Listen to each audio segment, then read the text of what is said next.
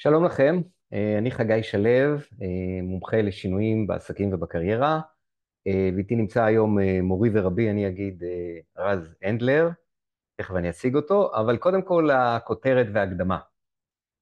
הכותרת שלנו היום היא איך מחוללים שינוי תודעתי מהפנים אל החוץ, מהאינדיבידואל אל הקולקטיב. או בקצרה יותר, מהם העקרונות של תורות רוחניות עתיקות שרלוונטיים גם היום. ואני אקדים ואומר שהכל כבר נאמר ונכתב לגבי מהות החיים, לגבי הצלחה ואושר, באלף או בעין, באלפי שנות קיום האנושות. יחד עם זאת, היום יש יותר אנשים לא מאושרים ואפילו מדוכאים מאי פעם. דווקא כאשר רמת החיים עולה. מדוע? למה מגפת המחלות הכרוניות בעולם דווקא גדלה ומתפתחת? מה אנחנו לא מבינים? מה אנחנו יכולים ללמוד מהחוכמה העתיקה של המזרח שנשכחה עם השנים? מה אנחנו יכולים ללמוד מהמקורות הוודים, בני אלפי השנים, על חיים טובים ומאושרים בימינו אנו? על כל אלו ועוד, אדבר היום עם האורח שלי, הסופר, המדריך הרוחני, הסופר והמדריך הרוחני שלי בארבע שנים האחרונות, אה, רז הנדלר. שלום רז וברוך הבא. תודה רבה. אה, בוא נתחיל בזה שתספר טיפה על עצמך. מי אתה רז, איך אתה מתאר את עצמך, מהם תחומי ההתמחות שלך, ואיך אה, גם רכשת, אדם די צעיר, אה, איך רכשת כל כך הרבה ידע, אני כל פעם מתפעל מהידע שלך, איך רכשת כל כך הרבה ידע בזמן כל כך קצר? אמ, אוקיי, אז אה, קודם כל, שמי רז, מבחינת תחומי התמחות, אני לא מגדיר את עצמי ככזה שיש לו תחומי התמחות. אוקיי. זאת אומרת, אני לא מומחה, אני מתרגל רוחני. אני מתרגל רוחני, במקרה גם כתבתי כמה ספרים ואני מתפרנס מהרצאות, זאת אומרת, אז כשמציגים אותי אז אה, אומרים אה, המרצה או אה, חוקר הדתות והתרבויות או כל מיני תארים כאלו ואחרים, אני לא נוטה להתהדר בהם מה שנקרא, זאת אומרת מבחינתי אני מתרגל רוחני, זה ה... זו הזהות שלי, אני עוסק בתרגול רוחני וחלק מהתרגול הרוחני שלי זה גם אה, לחלוק את התובנות שיש לי, בין אם זה בכתב, בין אם זה בעל פה בהרצאות, בין אם זה עכשיו אה, אה, בריאיון בפודקאסט, זאת אומרת, זה, זה חלק מהתרגול הרוחני שלי, זאת אומרת, אבל... העשייה הזו. אוקיי, יותר להגיד שאתה מומחה בתרגול רוחני, או מומחה לא, ב... לא, אני... בעיניי, כמות הידע שלך וה... כאילו, מה זה מומחה, לא ניכנס כן. כרגע להגדרה של מומחה, אבל בעיניי מומחה זה אדם שהוא מאוד בקיא בדברים שהוא, בדברים מסוימים, ואני חושב שמבחינתי, אני מעיד ארבע שנים, אני איתך, אה, ברמה שבועית לרוב, אה, אני, אני מתפעל מכמות הידע שלך. אז בעיניי, ואני מקבל את הצניעות שלך, זה חלק ממי שאתה, אני יודע, מכיר אותך, אה, אבל בעיניי, באמת התורות הוודיות, וגם מהפוסטים שלך בפייסבוק אפשר לראות, היריעה היא מאוד רחבה. לתחומי הרוח, ותחומי הרוח משיקים לכל, לכל העולמות שלנו. אפשר להגיד, אין לי בעיה שנגיד, קודם כל, אם אה, מישהו אחר אה, רוצה לקרוא לי מומחה, אין לי שום בעיה עם okay. זה, אוקיי. הכל, הכל בסדר, כאילו, לא, לא אתווכח, הכל בסדר. אה, אבל, וברמה העקרונית יותר, אני כן, אני, אני עוסק בנושאים, זאת אומרת, להגיד שאני מומחה בהם, שוב, אוקיי. Okay. מי אני שאגיד? אני, אני עוסק בנושאים, אני עוסק בנושאים, אני עוסק בתיאולוגיה, עוסק ברוחניות, ועוסק בפוליטיקה, ועוסק בשילוב בשילוב שלהם. זאת אומרת, אלה הנושאים שאני עוסק בהם. Mm-hmm. אני מתרגל בקטי יוגה שמגיעה מהספ... מהתרבות הוודית, מגיעה מספרים כמו הבאגבד גיתא והשרימד באגבתם, ו... וזה התרגול הרוחני האישי שלי בעצם. אז אם אתה שואל מי אני או איך אני מתאר את עצמי, אז אני מתרגל בקטי יוגה. זאת, זאת, זאת, זאת ההגדרה שלי מבחינתי. יפה, אוקיי, תודה. אמ, אה, ואיך רכשת, איך רכשתי את הידע? פשוט למדתי. הייתי הרבה שנים, אני אוהב ללמוד, אני אוהב לקרוא, אני אוהב לשמוע, אני אוהב להיפגש. אה, חייתי הרבה הרבה שנים אה, בהימאליה ההודית. אפשר להגיד שכיום אני בן 42 עוד רגע. אה, אפשר להגיד שאת הטיול הגדול שלי, נקרא לזה ככה, התחלתי בשנת 2004 וסיימתי בשנת 2015. אה, ובזמן הזה השקעתי המון זמן בקריאה ובלימוד ו... וככה התחלתי גם לכתוב את התובנות שלי וראיתי שהן מעניינות אנשים מסוימים ואז ככה דברים התפתחו ועוד מפגש מוביל לעוד דבר ואז אני שומע איזה שם של מישהו שלא הכרתי ואז אני הולך ללמוד עליו או שומע וככה הדברים מתגלגלים. אם אפשר להגיד שהידע שצברתי זה הרבה יותר אה, שוטטות במרחב האינטלקטואלי-תיאולוגי מאשר טיול מאורגן. אוקיי. Okay. בוא, בוא, בוא נתחיל להבהיר כמה מושגים, okay. אוקיי. בסדר? הזכרת את התורות הוודיות, הזכרת את הבגדוות גיתא, הזכרת את השרימת בגבתן, הזכרת את המילה תיאולוגיה, שאני לא בטוח שמובנת לרוב האנשים. תתחיל לשפוך אור קצת okay. על, ה, אוקיי. על התחומים האלו, על הדברים האלו. תיאולוגיה, אפשר לקרוא לזה אה, מדעי הדת. בגדול, כמו שיש לנו ביולוגיה שזה מדעי החיים, יש לנו תיאולוגיה אה, ש, שזה, של מדע, שזה מדעי הדת בגדול, מדעי הדת. אמ, הרעיון התיאולוגי אה, משפיע ומעצב את האנושות אה, המון המון שנים, זאת אומרת, אני לא חושב למשל שאפשר להבין לעומק את הפוליטיקה המזרח תיכונית ללא הבנה מספקת בתיאולוגיה למשל. יהדות ואסלאם. למשל, כן, במובנים של, של המזרח התיכון, אז כן, אז יהדות ואסלאם. אבל אני אומר שקשה להבין את הפוליטיקה הישראלית בלי להבין את התיאולוגיה היהודית. זאת אומרת, ש, ש, ואת ההשתלשלות שלה והתפתחות שלה וזרמים שונים בה. זאת אומרת, בין אם אנחנו אנשים, אה, אני משתמש לצורך הדוגמה במאמינים או מאמינים שלא, נקרא לזה ככה, בין אם אנחנו חילונים, בין אם אנחנו דתיים, כל עוד אנחנו, אנחנו חיים במרחב כל כך אה, דתי, מסורתי, זאת אומרת, לתיאולוגיה יש השפעה מכרעת על החיים שלנו, בין אם אנחנו מודעים לזה ובין אם לא, בין אם אנחנו מבינים בזה ובין אם לא, בין אם אנחנו מכירים בזה ובין אם לא. כלומר, זה לא משנה המחשבה האישית שלנו, יש לזה השפעה מכרעת על החיים של כולנו. והיו בשנות ה-60 היו בשנות ה-60 של המאה הקודמת, היה את האג'נדה של תזת החילון האירופאית, mm-hmm. שטענה שעד אה, סוף המילניום הדת אה, תיעלם מהעולם ותישאר איזושהי אנקדוטה ככה חולפת שפעם הייתה ומושא למחקר ותו לא, ואחד מהמובילים של תזת החילון, הסוציולוג הנודע פיטר ברגר, אמר בשנת 99 שאפשר לקחת את כל התיאוריות של תזת החילון ולהשליך אותם לפח, כי העולם נותר דתי כשם שהיה, והוא לא התחלן באמת, זה לא שלא היה, שאין תופעת חילון, יש תופעת חילון, אבל העולם שלעצמו לא התחלן, הדת עדיין מאוד משמעותית בחיי הפרט ובחיי הקולקטיב, ותיאולוגיה זה מדע הדת. אז דיברנו על מהי תיאולוגיה, מובן ראשון, תיאולוגיה. מהי הספרות הוודית? בעצם זו השאלה... הספרות, התרבות. כן, מה, כן, מהי הספרות הוודית זו שאלה יותר אה, רלוונטית, רק עשינו את, ה, נכון. את ההקדמה עם התיאולוגיה, מהי הספרות הוודית, זה קצת שאלה שעוד יותר רלוונטית לנושא. הספרות הוודית זה ספרות ענק, ספריית ענק, שמורכבת למעשה מארבע ודות, שהם אה, קבצי הדת הראשי, המוקדמ, הקדומים ביותר של הודו, הקדומה. אז ארבע... מה זה קדומים? כמה קדומים? אני לא מתעסק בתיארוכים, זה לא התחום שלי, מה גם שאני חושב שמה שנגיד היום זה לא מה שנגיד עוד מאה שנה, לכן, okay. אוקיי. לכן זה לא... אבל סדרי גודל. זה לא רלוונטי, אני לא מתעסק ב... ב כאילו, okay. אוקיי. יהיו שיגידו אלפי שנים, אלפי שנים כן, יהיו שיגידו שלושת אלפים שנה, יהיו שיגידו חמשת אלפים, זה, לא... אוקיי, okay, בסדר, סדרי גודל, כן, אני מבין. מבחינתי זה לא... אבל לא זה ה... לפני הבודהיזם. אה, הבודהיזם, הקובצים המקוריים כן, הבודהיזם מתפתח תוך כדי ההתפתחות, אבל שוב זה לא, זה לא, הציר הכרונולוגי הוא לא הדבר הרלוונטי ביותר. ברור. או כמו שאמר אחד המורים הגדולים של הודו אה, במאה ה-19, בקטי וינוד דקור, אמר אה, רוצים להגיד שהטקסט נוצר לפני חמשת אלפים שנה תגידו, רוצים להגיד אלפיים שנה תגידו, רוצים להגיד מאה שנה תגידו, לי זה לא משנה, בוא נדון מה יש בו.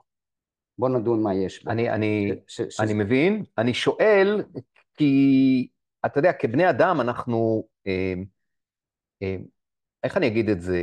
אנחנו אה, נוטים לחשוב שמה שהיה בעבר הוא היסטוריה והוא לא רלוונטי, אבל אנחנו, אני מגלגיליתי בארבע שנים שאני לומד ממך את התורות הוודיות, שהתורה הזאת, שהיא, כמו שאמרנו, מלפני אלפי שנה, לא חשוב בדיוק מתי, יש בה הרבה מאוד ידע שהוא רלוונטי לימים האלו שלנו. נכון. וכאילו שלא עברו אלפי שנה מאז, ולכן אני כן, כן, כן ו- היה נכון, חשוב לי... ולכן חשוב להיכנס אל הטקסט ולא אל המעטפת. כי המעטפת גם היא, היא, שוב, המחקר אומר דברים מסוימים, המסורת אומרת דברים אחרים, אה, חוקרים שונים אומרים דברים שונים, mm-hmm.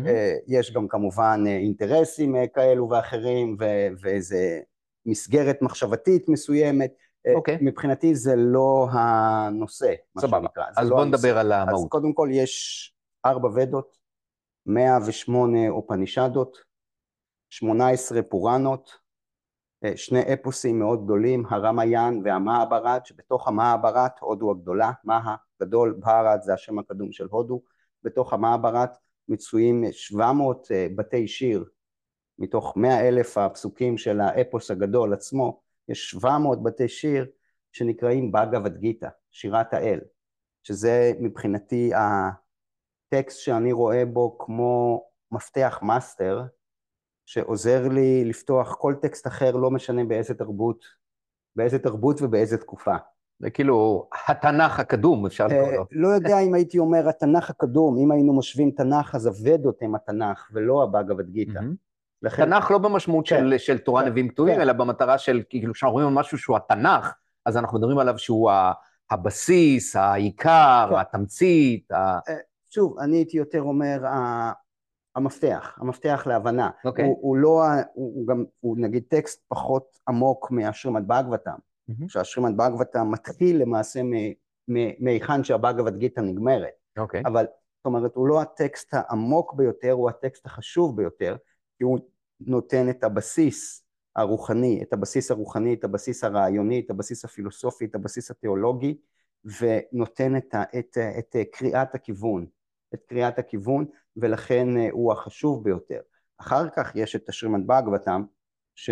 אמרת 700 בתי שיר, הבגדווד גיתא, שרימנט באגבתם זה 17,000, 18,000? 18,000 בתי שיר, 18,000 בתי שיר, זה ספר כבר הרבה הרבה יותר, סדר גודל הרבה הרבה יותר גדול, שמעמיק את הנושאים יותר, יותר ויותר, הוא גם כן נוגע בדברים שהבאגבד גיתא נוגעת. Mm-hmm. הוא גם כן נוגע בדברים שהבאגבד גיתא נוגעת, אה, יש לו אפילו חלק מסוים שהוא ממש אפשר להשוות אותו עם הבאגבד גיתא, ב...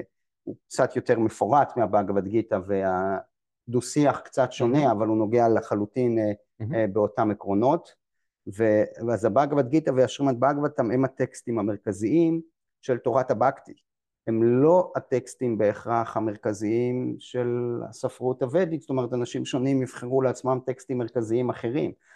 אחד מהרעיונות, אחד מהדברים, אחר כך יש על זה הרבה פרשנויות מדוע זה כך, אבל אחד הדברים המשמעותיים בספרות הוודית, שהיא פונה, שאנשים שונים מוצאים טקסטים שונים ומוצאים דרכים שונות ומסקנות שונות. זאת אומרת, הספרות הוודית היא לא ספרות שאומרת יש דרך אחת, אלא היא ספרות שמתארת דרכים רבות. היא ספרות שמתארת דרכים רבות, יהיו שיגידו כי מדובר במחברים שונים ובאורחים שונים והתפתח על פני אלפי שנים או מאות שנים ואנשים שונים חושבים שונה ולכן נתנו דרכים שונות. יהיו גם שיגידו אה, שהר... ש... שכן עומד כאן איזשהו רעיון מאחורי זה, כי הנחת המוצא, גם של הבאגבד גיתא אגב, היא שהאני הוא אינדיבידואל ייחודי ואוטונומי. ואם האני הוא אינדיבידואל ייחודי ואוטונומי, mm-hmm. אם האני הוא אינדיבידואל ייחודי ואוטונומי, שניחן בתודעה ייחודית, משמע שהוא לא בהכרח נמשך אל אותם דברים שהשכן שלו נמשך. ולכן הספרות הוודית היא ספרות מאוד מאוד מגוונת, שמאפשרת לאנשים שונים להימשך למה שמושך אותם ומשם להתחיל את המסע הרוחני שלהם. Mm-hmm. משם להתחיל את המסע הרוחני. כשאתה מדבר על רוח, תסביר קצת למה אתה מתכוון. כשאני מדבר על רוח, קודם כל נשאלת השאלה הראשונה, לפני שאפילו נשאל מהי רוח, נשאל מי אני. מי הוא האני? זאת אומרת, אם אנחנו גם מדברים על אה, חופש, על עושר וכו', איך שאנחנו נתפוס את עצמנו, כך בהכרח נתפוס מהי, מהו חופש, מהי משמעות ומהו עושר. Mm-hmm. זאת אומרת, בהתאם לאיך שנתפוס את עצמנו, אין, אין, אין אפשרות אחרת. זאת אומרת, אם אני תופס את עצמי, בראש ובראשונה, כאוהד מכבי חיפה, מה ייתן לי אושר? שמכבי חיפה ינצחו. מהי משמעות בשבילי אה, לבוא לאצטדיון לעודד את הקבוצה שלי? כי ככה אני מגדיר את עצמי. אם אני מגדיר את עצמי בראש ובראשונה כימני או כשמאלני, אז מהו החירות שלי, מה המשמעות שלי? המשמעות שלי היא המשמעות הפוליטית והעשייה הפוליטית. כלומר, לפי איך שנגדיר את האני, את הזהות שלנו, ככה נגדיר גם מהו, מהי משמעות, mm-hmm. מהו חופש ומהו עושר. וכמובן שזה לא מסתיים רק בתוך אה, אה, העדפות שונות בחיי היומיום, אלא גם ברמה הרעיונית יותר. אה, למשל, בחוקי חמורבי, אם אני ראש שבט ואתה ראש שבט, ואני הורג את המשרת שלך, מה העונש שמגיע לי? שיהרגו את המשרת שלי, למרות שהוא לא עשה כלום. עין תחת עין. לא, עין תחת עין, אבל גם עוד, למה, למה זה קורה? כי אין תפיסה של אני אינדיבידואל, אלא אני זה השבט שלי. אני זה השבט שלי. יציאת מצרים לצורך העניין, מה זה יציאת מצרים? יציאת מצרים היא יציאה מעבדות פוליטית לחירות פוליטית. עם יוצא מבית עבדים אל עצמאות. זאת אומרת, אני זה השבט שלי, ואני, אז החירות שלי היא החירות של השבט. אוקיי. Okay. היטיב אה, לעמוד על זה יפה אה, דוקטור תומר פרסיקו בספר שלו אדם בצלם אלוהים, שמתאר את כל ההשתלשלות הללו, ואחר כך הוא מראה את פאולוס, שכבר היה לפני אלפיים שנה, יהודי אה, שחי, ב, ב, שחי ב, ב, ב, במזרח התיכון, מושפע מיוון וכן הלאה, ופאולוס כבר תופס את האני בצורה שונה. אוקיי. Okay. הוא כבר תופס, שנייה, רק אסיים את זה, הוא תופס את האני כאינדיבידואל, ופתאום החירות שלו, פתאום מצרים היא כבר בתוך הלב, מצרים זה האגו שיש לגבור עליו, כי הוא כבר תופס את עצמו כאינדיבידואל אוטונומי. Okay. אוקיי. אז הספרות הוודית תופסת את האטמן, את העצמי כאינדיבידואל אוטונומי. Mm-hmm. איך אנחנו יודעים שהיא תופסת עצמו את העצמי כאינדיבידואל אוטונומי?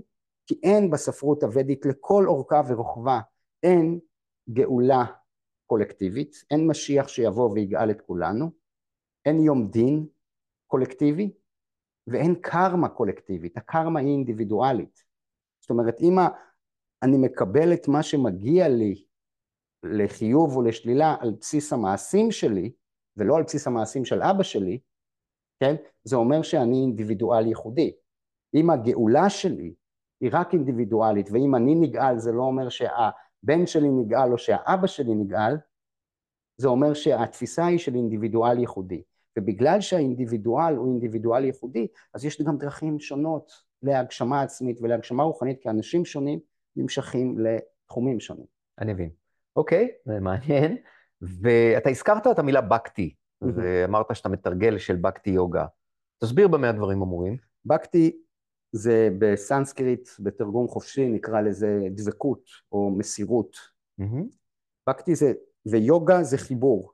יוגה אנחנו מכירים היום כהתעמלות, אה, יוגה היא לא התעמלות, יוגה היא חיבור רוחני, הפן ההתעמלותי הוא רק שיטת יוגה אחת מבין אה, שיטות יוגה, יוגה רבות, שיטות יוגה רבות, אה, וגם הוא אמור להביא לשליטה בגוף שתוביל לשליטה בחושים, שתוביל להתכנסות פנימית במקום יציאה החוצה. אבל בקטי יוגה, בקטי יוגה זו דרך רוחנית של מסירות, של דבקות, של חיבור אינטימי עם אלוהים אישי. זאת אומרת, המושא ההתקשרות של המתרגל הוא מושא התקשרות חיובי. הוא מושא התקשרות חיובי, אה, הוא אינדיבידואל והאל הוא אינדיבידואל ולכן ניתן לבוא במגע, ניתן לבוא לפתח יחסי אהבה עם האל, ניתן לפתח יחסים אינטימיים איתו ו- ו- וזה הרעיון של בקטי יוגה, זאת אומרת הדרך, בעיקרון יש בהודו הרבה גישות של השתחררות מהחומר, נקרא לזה ככה.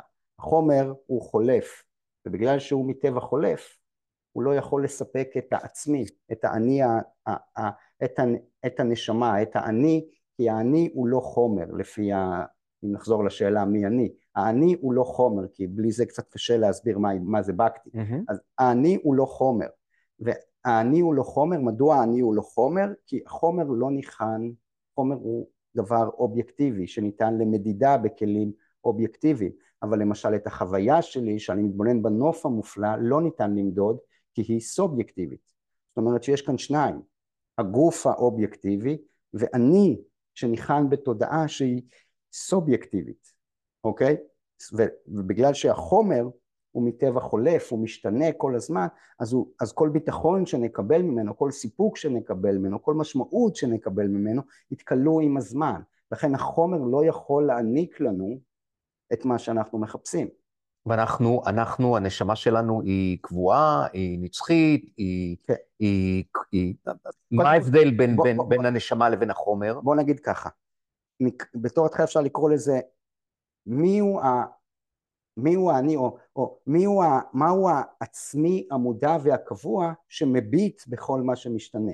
זאת אומרת, אם זו היד שלי, וזה הראש שלי, וזה הרגל שלי, וזו הבטן שלי, פירושו של דבר שהגוף הוא שלי, אבל כל מה שהוא שלי לא יכול להיות אני. זאת אומרת, הטלפון שלי, הספר שלי, המחשב שלי, כל מה שהגדרנו כשלי לא יכול להיות אני. אז אם הגוף הוא שלי, ניתן לשאול מי אני. מי אני? מי אני. עכשיו, הגוף הוא מתחלף כל הזמן. נגיד, אני למשל חי היום מאוד שונה מאיך שחייתי בגיל 18-19 אה, לצורך העניין. עכשיו, התאים והרקמות שהרכיבו את, שמרכיבים את הגוף מתחלפים כל הזמן, כל שבע שנים כמעט, חוץ מתאים מסוימים במוח, כל התאים וה, והרקמות מתחלפים, זאת אומרת, אני לא באותו גוף שכבר, שה, שהייתי בו פעם, כן. הגוף שלי השתנה לגמרי. אפילו ה-DNA שמרכיב את הגוף משתנה. אני לא בקיא, אז אני... כן, כן אז אני אומר כן, כן. כן אני לא, לא בקיא בזה, אבל, אבל הגוף שלי, התאים והרקמות שהרכיבו אותו, השתנה לגמרי. אבל לא רק, לא רק הגוף השתנה, אלא גם הטעמים שלי מהחיים השתנו.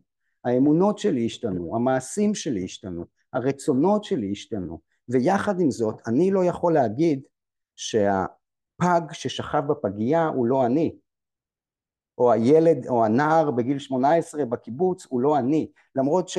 הכל השתנה, האמונות שלי, תפיסת העולם שלי, המעשים שלי, הרצונות שלי, הטעמים שלי, הגוף שלי, הכל השתנה, אבל למרות כל השינויים, יש משהו אחד שנשאר קבוע כל הזמן.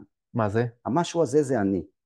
זה אני אמיתי. זה. אפילו לא, אפשר להגיד האמיתי, אבל, אבל זה האני. היתר זה שלי, אוקיי? ואנחנו חיים בעידן שאנחנו ממזגים את האני והשלי. למשל, אם אני אעמוד מחוץ לרכב שלי, ואתה תיכנס בו, אני אשאל אותך למה נכנסת בי.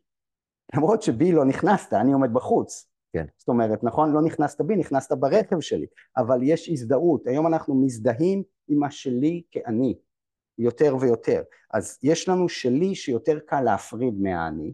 למשל, כמה שלא נזדהה עם הרכב, לא נשתה בנזין 95. כי אנחנו לא מזדהים איתו עד כדי כך. אנחנו מבינים שיש הבדל ביני לבין הרכב.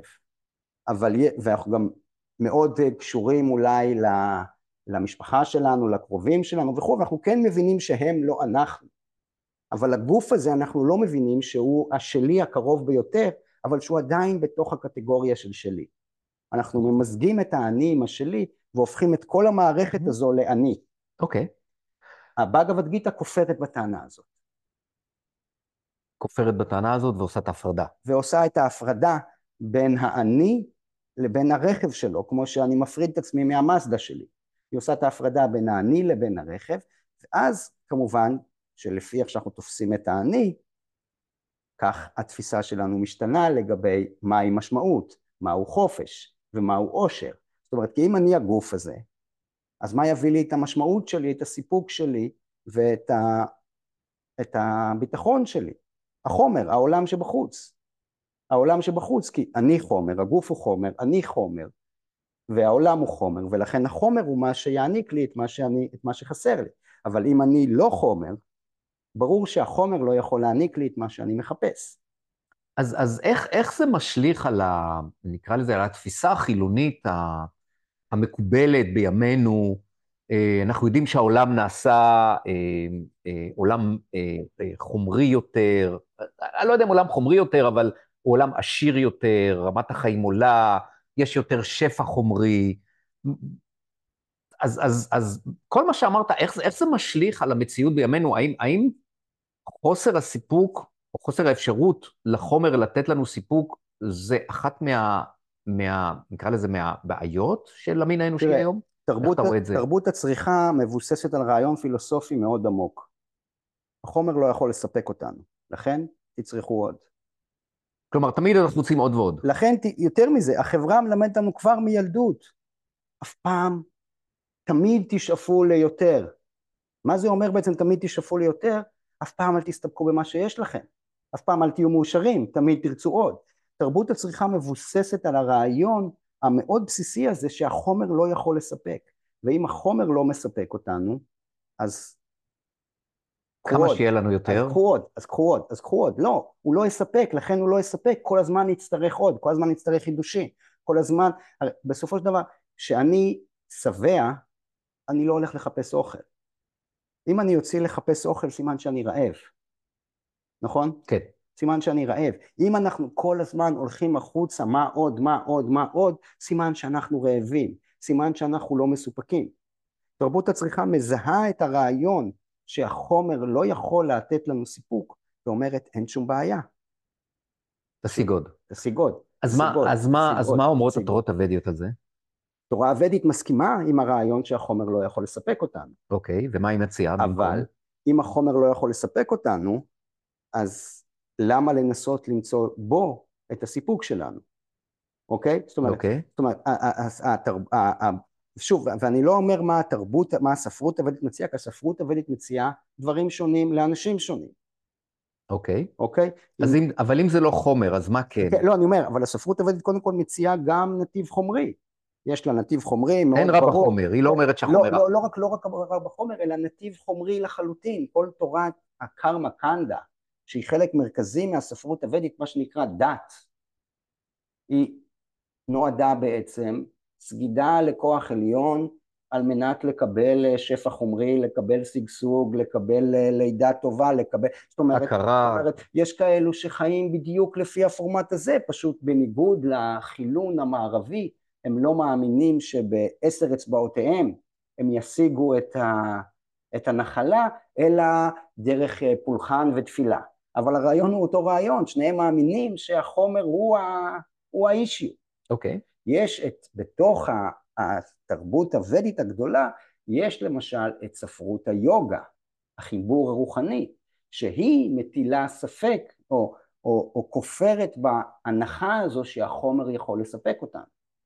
היא okay. אוקיי. חלק קטן מבין כל התרבות, זאת אומרת, אני לא, לא נגיד מה התרבות, מה הספרות הוודית חושבת, כי הספרות הוודית חושבת דברים מאוד מאוד שונים אחד מהשני, אני יכול להגיד מה הבאגavad גיתא למשל חושבת בהקשר הזה. ב- או, או הבקטי. כן, או זה, עם הבקטי, כן. כן. אז, אז הבאגavad גיתא בהקשרים הללו, אומרת שאם החומר לא יכול לספק אותנו, אולי לא שם מצוי הסיפוק שלנו. זאת אומרת, ההתניה הטבעית שלנו היא לחפש מתחת לפנס. אם נאבד לי המפתח ופה יש אור, אני אחפש פה כי פה יש אור. אבל זה שאני מחפש מתחת לפנס לא אומר ששם איבדתי את המפתח. אנחנו באופן כללי נוטים לחפש בתוך תחומי המוכר. בתוך תחומי הגלוי, בתוך תחומי המוכר, אבל לא בהכרח שם נמצא מה שאנחנו מחפשים. או אם נלך על הבאגבת גיתא תגיד לנו, אם נתרגם את זה למילים מודרניות לצורך העניין, אם נכנסנו עם הראש בקיר 17 פעם והקיר לא נפל, אנחנו יכולים להגיד אולי לא ניסינו מספיק ובואו ניקח עוד תנופה ונביא משהו יותר כבד, אבל אנחנו גם יכולים ללכת ולחפש את הדלת. זאת אומרת, אם החומר לא מעניק לנו סיפוק, mm-hmm. אז אולי לא הוא המקום בו הסיפוק שלנו טמון. Okay. אוקיי. ואז הבאגבד גיתא מבצעת את התנועה ההפוכה. במקום דרך החושים ודרך אינטליגנציה ודרך מידות הטבע, תחומי העניין שלנו, האופי שלנו, לצאת אל העולם שבחוץ ולנסות ממנו לייבא את האושר שלנו, אנחנו מנסים לייבא אושר דרך שערי הגוף, נקרא לזה ככה, דרך העיניים, דרך הנחיריים, דרך האוזניים, אנחנו רואים דברים יפים, אנחנו שומעים דברים יפים, אנחנו תואמים דברים יפים, מריחים דברים יפים, זאת אומרת דרך השערים שלנו אנחנו מנסים... והידיים לזה, כמובן לקחת כן, להביא. הידיים מרגישות, אה, כן, אה, איבר המין וכו', דרך, ה, דרך ה, השערים הללו אנחנו מנסים לייבא את העושר שלנו ואת המשמעות שלנו מבחוץ. ואז בעצם מה שקורה זה שהחושים שלנו הם, וההתניות שלנו גם, כי אני מותנה למשל, אני חושב שאני בוחר לשמוע מוזיקה קלאסית ולא מוזיקת רוק, אבל יכול להיות שזה חלק מההתניה שלי בעצם, כי ככה חינכו אותי, כי ככה גדלתי, או הפוך, כי אני מורד באיך שחינכו אותי ובאיך שגדלתי, כי פעם שמעתי את זה ואת זה באירוע מאוד מוצלח וזה עשה לי איזה צריבה תודעתית, או פעם שמעתי את זה באירוע מאוד מאוד טראומטי וזה עשה לי צריבה אה, תודעתית. זאת אומרת, אנחנו הרבה פעמים חושבים שאנחנו מאוד בוחרים, אבל בעצם החושים שלנו בוחרים בשבילנו, הצפים שלנו בוחרים בשבילנו, הפחדים שלנו, הטראומות שלנו, ההתניות, בין אם זה תרבותיות, חברתיות, או בין אם זה פסיכולוגיות, זאת אומרת, מי שגדל בקיבוץ אוהב מוזיקה מסוימת, למשל, okay. והשאלה אם הוא באמת זה מה שהוא אוהב, או זאת ההתניה התרבותית-חינוכית שלו.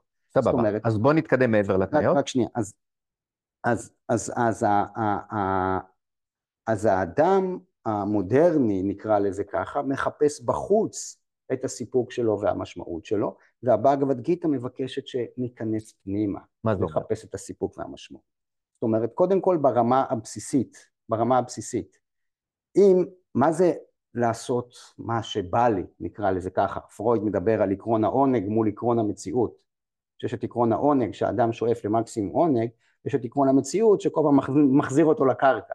למשל, הוא רוצה ללכת ערום ברחוב, אבל הנורמה אוסרת ללכת ערום. עקרון העונג נתקע עם עקרון המציאות.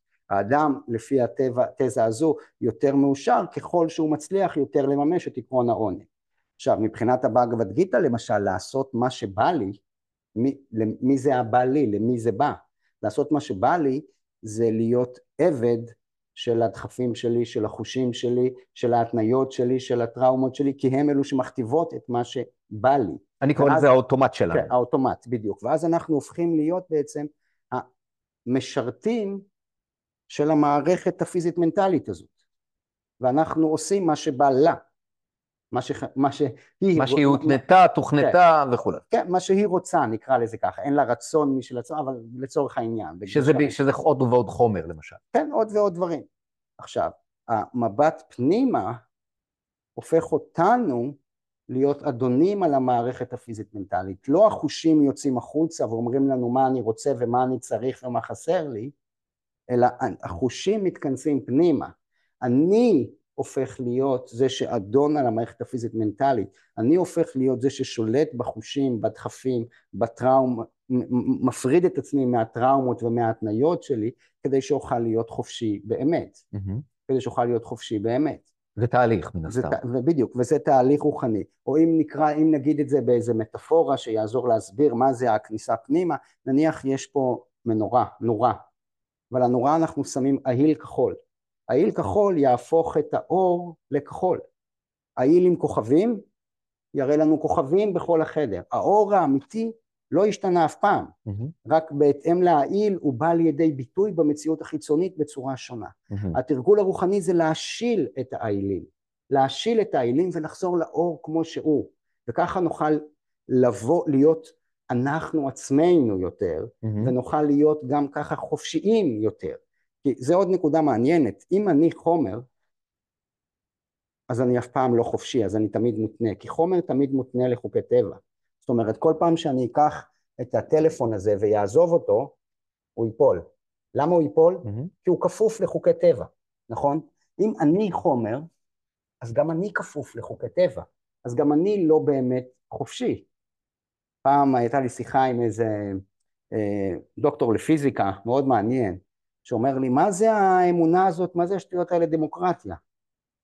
אין דבר כזה בחירה חופשית.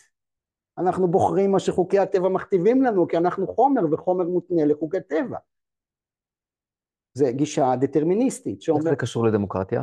כי דמוקרטיה אנחנו כאילו הולכים לבחור במישהו, אנחנו לא באמת בוחרים, חוקי הטבע אנחנו מרגישים כאילו אנחנו מימשנו את חופש הבחירה שלנו ובחרנו את המועמד או המועמדת שנראים לנו הכי טוב. ואותו פיזיקאי אומר מה פתאום? אנחנו בוחרים מה שחוקי הטבע מכתיבים לנו כמו שהענן מוריד גשם גם על הים וגם על השדות. הוא לא עושה הבחנה כי הוא מותנה לחוקי טבע, הוא, חוקי טבע פועלים וגורמים לענן להוריד גשם. אותו דבר גם לנו גורמים לנו ללכת להצביע. אמרתי לו ואם יום אחד פתאום תהיה לך איזה הערה רוחנית ותחזור בתשובה ותרגיש שונה לגמרי מכל מה שחשבת. אז הוא אמר, אז חוקי הטבע כפו עליי עכשיו לחזור בתשובה ולחשוב שהתפכחתי. עכשיו, אם האני חומר, הוא לא טועה, אוקיי? אם אני זה חומר, הוא לא טועה, כי חומר תמיד כפוף לחוקי טבע. זה חוקים. כן, חומר כפוף לחוקי טבע, ואם חומר כפוף לחוקי טבע ואני חומר, משמע שאין לי שום בחירה חופשית. אבל אנחנו מאמינים שיש לנו בחירה חופשית. הבאגבד גיתא תגיד נכון, וזה לא אשליה. אנחנו מאמינים שיש לנו בחירה חופשית כי אני לא חומר. הגוף שלי מותנה לחוקי טבע, אני לא. אני יכול להשתחרר גם מההתניות. ככל שאני יותר מזדהה עם הגוף ומזדהה עם החומר, ככה אני פועל בתוך האוטומט, ככה אני פועל באמת עם חופש בחירה מאוד מאוד מצומצם. כי ההתניות בוחרות בשבילי, אבל ככל שאנחנו נחיה חיים רוחניים, נתרגל את, ה, את ההפרדה ביני לבין ההתניות שלי, mm-hmm.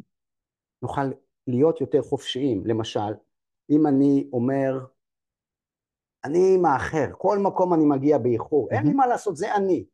זאת אומרת, אני מזדהה עם ההתניה שלי, ואז אני לא יכול להשתחרר ממנה, לא יכול לגבור עליה.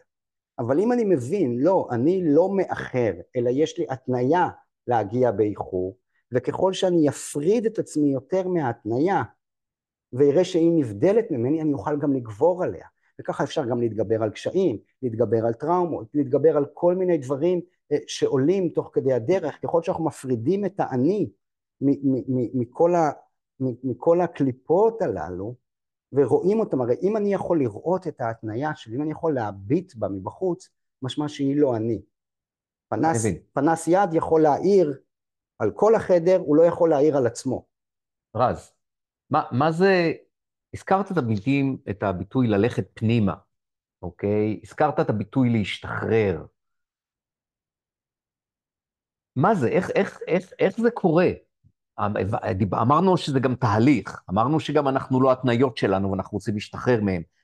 איך לפי הבגבגית, התורות הוודיות, איך אני, איך אני משתחרר? מה, מה, מה התהליך שאני אמור לעבור כדי שאני אפריד ביני לבין החומר הזה? הדבר הראשון הוא להתחיל אה, להתבונן במניעים שלנו. מה מניע אותי לפעול ככה ולא אחרת? Mm-hmm. אם נתחיל להתבונן, נראה שהרבה פעמים משהו דחף אותנו ממש לפעול ככה ולא אחרת, וזה לא לגמרי הרצון שלנו. הרבה פעמים אנחנו מרגישים בדיעבד שפעלנו נגד הרצון שלנו, mm-hmm. אבל משהו דחף אותנו לפעול כך או לא כך, כך ולא אחרת. למשל הרגלים של ריצוי, של פרפקציוניזם, של דחיינות, של... כל, כל הרגל קלוקל בעצם הוא... או לא קלוקל אפילו, כל הרגל... כל הרגל. כן, או, או קלוקל או לא, כאילו יש התניות חיוביות, אם לימדו אותי מגיל צעיר לקום בבוקר לצחצח שיניים, זו התניה חיובית לצורך כן. העניין. כן? זאת אומרת, אני לא צריך להשתחרר ממנה, היא התניה חיובית. כן. אה, אבל, אבל, אבל עדיין אני עושה אותה על עיוור, מה שנקרא. אז אני... ההתבוננות בעצם מאפשרת לי לזהות את, ה, את הכשלים האוטומטיים שלי? בדיוק, להתחיל לזהות את המניעים, מה גורם לנו לפעול כך ולא אחרת. למה בעבודה דיברנו ככה וככה? למה פתאום בסיטואציות שאנחנו לחוצים בהן, אנחנו שמים לב שאנחנו מדברים הרבה? כן? זאת אומרת, בהתחלה לא שמנו לב, אבל ככל שנתרגל מודעות, שנתחיל לבחון את המניעים שלנו, את המעשים שלנו, את מה שקורה לנו, נוכל לראות, רגע, תמיד בסיטואציה כזו וכזו, אני מגיב בצורה כזו וכזו, אולי יש קשר. אוקיי. Okay. אולי יש קשר. אז השלב הראשון זה התבוננות במניעים, והתבוננות במה יוצר אצלנו זהות. זאת אומרת, אנחנו שואלים את הילדים היום, מה תרצו להיות שתהיו גדולים? נכון? שאלה כן. שכאן תמיד שואלים. כן. עכשיו, קודם כל נעזוב, נניח בצד את השאלה אם ילד יכול לדעת אה, מה הוא רוצה עוד איקס שנים, נניח את זה בצד, כאילו יכול להיות שאנחנו אפילו עוזרים לו לפתח איזושהי התניה ומכתיבים לו מה הוא רוצה כבר עכשיו, כי הוא אמר שהוא רוצה ככה, ואז אחר כך הוא רוצה להשיג את זה, כי זה מה שהוא אמר, ויכול להיות שזה בכלל לא הטבע שלו, ולא הזה שלו, ולא... Mm-hmm. הוא לא בשל מספיק בשביל להיות שם. כן, אבל יותר מזה, אני אגיד עוד משהו יותר מזה. ברגע שאנחנו שואלים אותו מה תרצה להיות שתהיה גדול, אנחנו הופכים את הקריירה לזהות שלנו. וזו בעיה. וזו בעיה קשה. Mm-hmm. זאת אומרת, הרעיון הוא אם כבר לא מה תרצה להיות שתהיה גדול, במה תרצה לעסוק שתהיה גדול. אוקיי, okay. אוקיי, okay, זה כבר שאלה אחרת, נכון? Mm-hmm, זאת אומרת, okay. לחשוב שאם למדתי רפואה, אז אני רופא, זה הזהות שלי, זו בעיה. אם אני עוסק ברפואה, כי זה מה שלמדתי וזה המקצוע שלי, זה בסדר. אבל אם אנחנו הופכים את משלח היד, או את המקצוע שלנו, את הקריירה שלנו, לזהות שלנו, אז התרחקנו מעצמנו מאוד, וגם כמובן שזה יוצר הרבה קשיים והרבה חרדות. מה יקרה אם יפטרו אותי? ואני לא יכול לעבוד, פתאום אין לי זהות, הזהות שלי הולכת, הזהות שלי נגמרת. לפני המון המון שנים בשירות הצבאי שלי, פגשתי, הייתי צריך, הייתי באיזו סיטואציה והכרתי את הרס"פ, אה, רב סמל הפלוגתי של מסייעת 890 אה, של צנחנים. וזה היה הזהות שלו, אני הרס"פ כאן. אחרי ארבעה חודשים מההיכרות שלנו הוא השתחרר. וכשהוא השתחרר, הוא עבד כשוטף כלים במסעדה בתל אביב. הוא רצה לעבור לתל אביב. לא היו אז גם אריתראים וכו'. אה, עבד כשוטף כלים. ובמקום לחוות את השחרור ואת הלחסוך כסף לקראת הטיול וכו', הוא היה אומלל ומסכן, כי הזהות שלו התרסקה. אמר, אני אני שהייתי שולח חיילים לתורנות מטבח, עכשיו מעירים לי אם המטבח נקי או לא.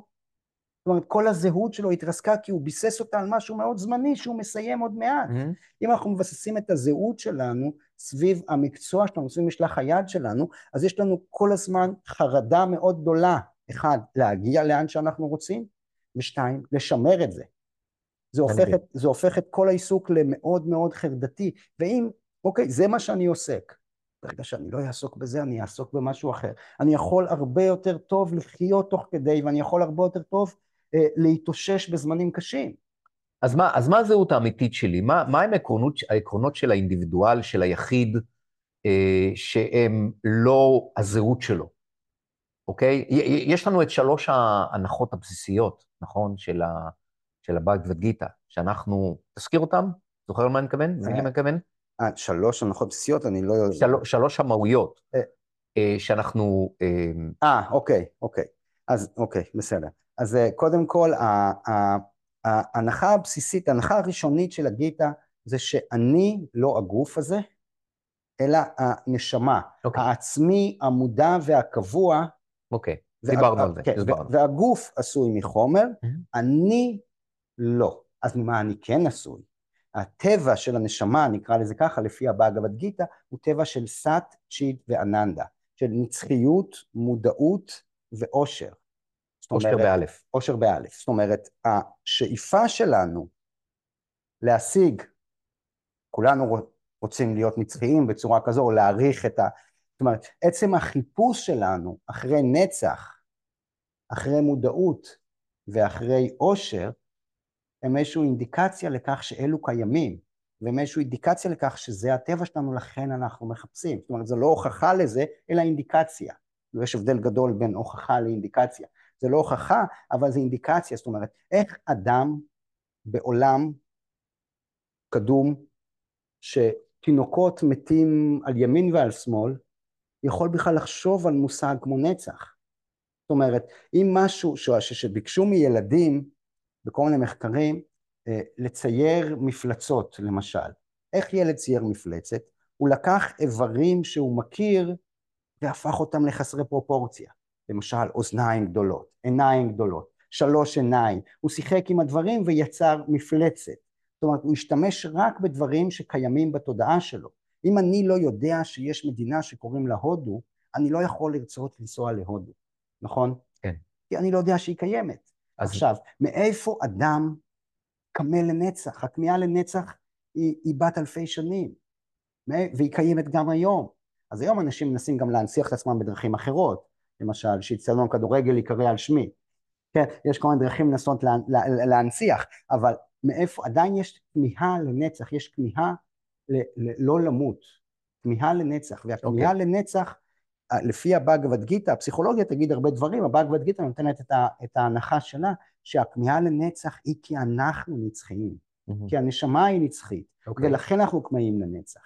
אוקיי, okay, אז אנחנו בעצם, הבסיס של הנשמה זה עושר, שזה בילט אין, זה חלק בילט אין, היכולת להיות מאושר. מודע, מודעות, היכולת להיות מודע, מודע זה בעצם הפוך מהאוטומט שלנו, מהתניות שלנו, נכון? כן. ונצחיות. זאת אומרת, אה, הנשמה, לא רק אגב לפי ה... זאת אומרת, גם לפי היהדות, הנשמה היא, היא בעצם, היא, היא לא מתה, היא חיה, היא... כן. אוקיי. אה, בוא, בוא נחזור לאיך אנחנו יוצרים את השינוי הזה בפנים, ואיך אנחנו מתנתקים מהתניות ומהסגידה לחומר. אגב, לא כי החומר רע, אנחנו לא, לא אומרים, וגם הבגבביתא לא אומרת שהחומר רע, היא אומרת ש, אה, ש, אה, ש, שאני לא הגוף הזה, ו, ואני לא... ו, ההבדל הוא, הוא האם אנחנו משתמשים בחומר כמטרה או בחומר כאמצעי. יפה, יפה. נקרא לזה ככה. אוקיי, מול. הבאגבד גיתא מאוד אה, מדברת על שימוש בחומר כאמצעי, לא כמטרה, מכיוון שהחומר לא יכול לענות על הצרכים העמוקים שלנו. אני מבין, אני מבין. אז בוא נדבר על, ה, על השינוי, והזכרת את, ה, את היכולת של ההתבוננות, אוקיי? כלומר, כדי שאני אוכל לשנות את הדברים שתוקעים אותי, נקרא לזה רגע, או ההרגלים שלי באופן כללי, אז אני צריך יכולת להתבונן כדי לזהות את זה, כי מה שאני לא מזהה, אם אני לא יודע שיש הודו, אז אני לא יכול לנסוע להודו. אם אני לא יודע שאני מדבר יותר מדי, הרבה מדי, ומעיק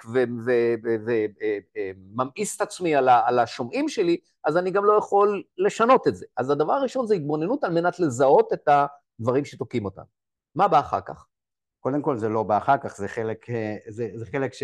אוקיי, okay, אני מסתכל על זה כן, כשלבים. כן, אני אומר, אבל זה חלק שנמשך המון המון זמן, זאת אומרת, כאילו אנחנו עוד לא, עוד לא שם, מה שנקרא, כדי, okay. כדי, אוקיי. כדי לדבר על אחר כך, mm-hmm. אבל באופן כללי, השלב הראשון הוא כן, הוא התבוננות במניעים. עכשיו, יותר מזה, כמובן שאם אנחנו רוצים, אה, אה, שוב, אבל פה כאן צריך להגדיר עוד הרבה מונחי יסוד כדי שנוכל לדבר על... אני מבין, תנסה לתת באופן כללי במבט כן, על. כן, אז זה יצא קצת uh, קטוע, כי יש עוד הרבה, okay. אוקיי. עוד הרבה דברים בדרך שצריך קודם כל להבהיר, לחדד ולהגדיר, על מנת שנוכל, שנוכל להתפתח מהם, אבל הרעיון באופן כללי, החומר לא מספק אותי, mm-hmm. ואני מזוהה עם הגוף ומותנה לחומר. Mm-hmm. לכן אני צריך להשתחרר, מ, לא מהחומר, אלא מההזדהות שלי איתו. אוקיי. Okay. צריך להשתחרר מההזדהות שלי איתו, ולחפש את המושא התקשרות אחר. זאת אומרת, mm-hmm. כי אני, יהיה מאוד קשה להגיד לבן אדם, תפסיק לעשן. נכון? אנחנו צריכים לתת לו איזשהו מושא התקשרות אחר, זה יהפוך יותר קל. אנחנו הרבה פעמים רואים שאנשים שמפסיקים לעשן מתחילים לאכול הרבה. כן. נכון? זאת אומרת, כן. הם מחליפים מושא התקשרות במושא התקשרות. הבאגבד גיתא אומרת שאת הטעמים החומריים שלנו, אנחנו יכולים להחליף בטעמים רוחניים. מה זה אומר? שנייה. זאת אומרת, ככל שהטעם הרוחני יגבר, ככה באופן טבעי הטעמים החומריים אה, אה, ירדו. לכן הבאגבד גיתא היא גם נגד אה, התנזרות בכוח. לא צריך להתנזר ממשהו. אבל טעמים, טעמים רוחניים זה לא התנזרות? לא, טעמים רוחניים זה, זה, שוב, זה לא החומר משעבד אותי. החומר רע. החומר, עזוב אפילו רע, אלא החומר טכנית משעבד אותי אליו, והוא לא יכול לתת לי את מה שאני רוצה. Mm-hmm. לכן אם אני אתנתק ממנו, mm-hmm. כביכול, אני אהיה מאושר. Mm-hmm. הבאגבד גיתא לא תומכת בגישה הזו, כי זו גישה של עשיית שריר. נקרא לזה ככה, זה לא תהליך טבעי, mm-hmm. אלא אני אומר, זה רע לי, ואני מפסיק עם זה, ואני מסתכל עליו בברוגז, mm-hmm. ומנסה לא לגעת בו, עד, ש... עד שזה יעבור, אם זה יעבור. Mm-hmm. זה אופציה אחת. זו לא האופציה המועדפת על הבאגבד גיתא. Mm-hmm. אגב, היא גם כן קצת מלמדת בפרק השישי, אבל היא מסבירה שזה גם לא האופציה המועדפת עליה. אוקיי, okay, אז מה כן? אוקיי, האופציה, אז יש אופציה אחת, זה להפסיק לעשן ופשוט לשבת ככה ולהסתכל על הקופסת סיגריות, או לזרוק את הקופסת סיגריות ולקוות שלא ניזכר בה, ואופציה שנייה זה שיהיה לנו משהו אחר, בריא, שמחליף את הסיגריה. שימלא אותנו. שימלא אותנו. שייתן לנו את הסיפוק שהסיגריות נותנות. שייתן לנו את הסיפוק, או סיפוק אחר, אבל סיפוק שגובר על הסיפוק שהסיגריות נותנות, ואז באופן טבעי לא נרצה סיגריות. Mm-hmm. זה התהליך של הבאגבד גיתא. והבאגבד גיתא אומרת שבעצם אם אני נצחי ואלוהים נצחי, אז החיבור בינינו, הוא נותן לנו את מה שחסר לנו. והחיבור הזה הוא מה שממלא אותנו ויאפשר לנו לצאת אל העולם ממקום שלם ולא ממקום של חוסר. כל יש לנו חוסר, באופן טבעי אנחנו יוצאים אל העולם כדי לקבל את מה שחסר לי. זאת אומרת, אם חסר לי ביטחון, אני אחפש בת זוג או מקצוע או משהו שיענו לי על, על הצורך שלי בביטחון עצמי, כי הביטחון עצמי חסר לי. אבל אם כבר יש לי, ואני מסופק מבפנים, או מסופק ממקור מטאפיזי, אז אני יכול לצאת אל העולם ולפעול בתוכו מבלי לחשוב מה אני אקבל, כי כבר יש לי. זאת אומרת, אוקיי. בן אדם שבע לא מחפש אוכל, ואז כשאני שבע, אני יכול גם להסתכל מה אחרים צריכים. זאת אומרת, אם אני מאוד רעב עכשיו, יהיה לי קשה לשים לב לצרכים שלך, נכון? כי באופן טבעי, כי חסר לי משהו עכשיו mm-hmm. שאני רוצה למלא. אחרי שאני ממלא אותו, אני יכול לבוא אליך ו- וליצור יחסים, אני יכול להסתכל מה אתה צריך, אוקיי? זאת אומרת, כל עוד חסר לי, אני תמיד אצא לעולם כדי לקחת את מה שחסר לי. ומה? אוקיי. מה שממלא זה החיבור הזה עם הנצחי. כי אם אני נצחי ואלוהים נצחי, החיבור בינינו הוא מה שיעזור לנו, מה שימלא אותנו, ויאפשר לנו לפעול בעולם בצורה, בצורה לא מותנית, בצורה שמשחררת מהחומר, כי החומר כבר יהיה לא אטרקטיבי.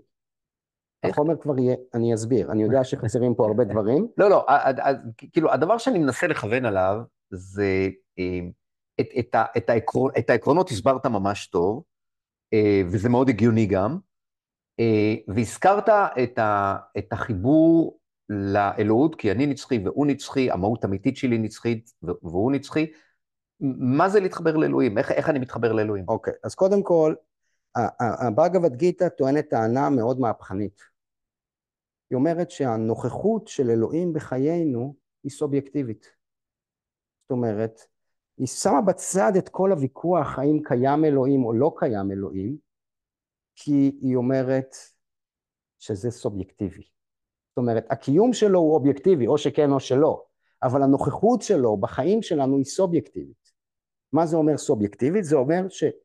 והגיטה מגדירה את זה נורא מעניין, היא אומרת שאלוהים נוכח יותר ויותר ככל שנרצה אותו יותר ויותר. ומי שלא רוצה אותו, יכול לחיות מתמונת מציאות שבה אין אלוהים, שבה אלוהים לא, הוא לא משהו שנצרך בשביל תמונת המציאות. והרעיון הוא ש... אז הרעיון הוא ש... ש...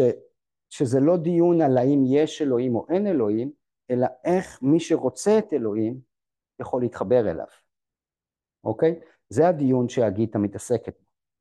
מבחינתה, וגם נשאל מי הוא אלוהים ומהו אלוהים, גם את זה נסביר עוד רגע, כן? אבל, אבל הרעיון הוא שקודם כל הנוכחות שלו בחיים שלנו היא סובייקטיבית, רק מי שרוצה אותו. מי שלא רוצה אותו יכול לחיות עם תמונת מציאות בלעדיו, והרעיון שעומד מאחורי זה, הרעיון הפילוסופי והתיאולוגי שעומד מאחורי זה, הוא חופש הבחירה. אם היום אלוהים אה, נגלה לנו, משתלט על הניידים של כולנו, ונגלה ואומר הנה אני אלוהים תסגדו לי, הוא בעצם כופה עלינו לקבל אותו. וכשהוא... זה מה שעושה גם הדת במרכאות. זה ההסבר ללמה, ללמה אנשים דתיים לא יכולים לייצג את אלוהים, אם תרצה נקרא לזה, ניגע בזה גם עוד כן, קצת בהמשך. אני רוצה, כן. אוקיי, אז, אז אני אסיים את הזה ואני אגע בזה גם. אז הרעיון הוא שאם אלוהים היה נגלה בטלפונים של כולנו וכופה עלינו את נוכחותו, הוא בעצם מכריח אותנו לקבל אותו, ומבחירה לא, ומ, ומכפייה לא יכולה לצמוח אהבה. אהבה נובטת רק בקרקע של בחירה. ולכן אלוהים נשאר סמוי מהעין. נאמר בבאגבד גיתא שאלוהים הוא כמו החוט שמחבר את הפנינים והופך אותן למחרוזת. כשאנחנו מסתכלים על מחרוזת פנינים, כולנו מסתכלים על הפנינים עצמם, על החומר מה שנקרא, על הפנינים עצמם. אנחנו בכלל לא שמים לב, לב לחוט שהוא בלתי נראה כמעט, כי המחרוזת, כי הפנינים שזורות עליו, אנחנו לא מסתכלים על החוט, אבל בלי החוט לא קיימת מחרוזת. אין מחרוזת בלי החוט. החוט הוא מה שמחבר בין הפנינים והופך אותה למחרוזת. אז החוט זה אלוהים והפנינים הם? או החומר או אנחנו, איך שתרצה, לפי זה יכול להשתלב בצורה שונה, אבל הרעיון הוא שהפנינים הללו, ש, שאנחנו לא שמים לב לחוט, שהחוט הוא סמוי מהעין, אבל הוא מה שמחבר ומחזיק את הכל. אוקיי. Okay. אוקיי? Okay? אבל, אבל הוא סמוי מהעין. אנחנו צריכים להתעמק ולרצות לראות את החוט על מנת שנוכל לבוא איתו במגע, על מנת שנוכל לראות אותו. הרוב האנשים מסתפקים בפנינים עצמם, ובסדר להם עם הפנינים.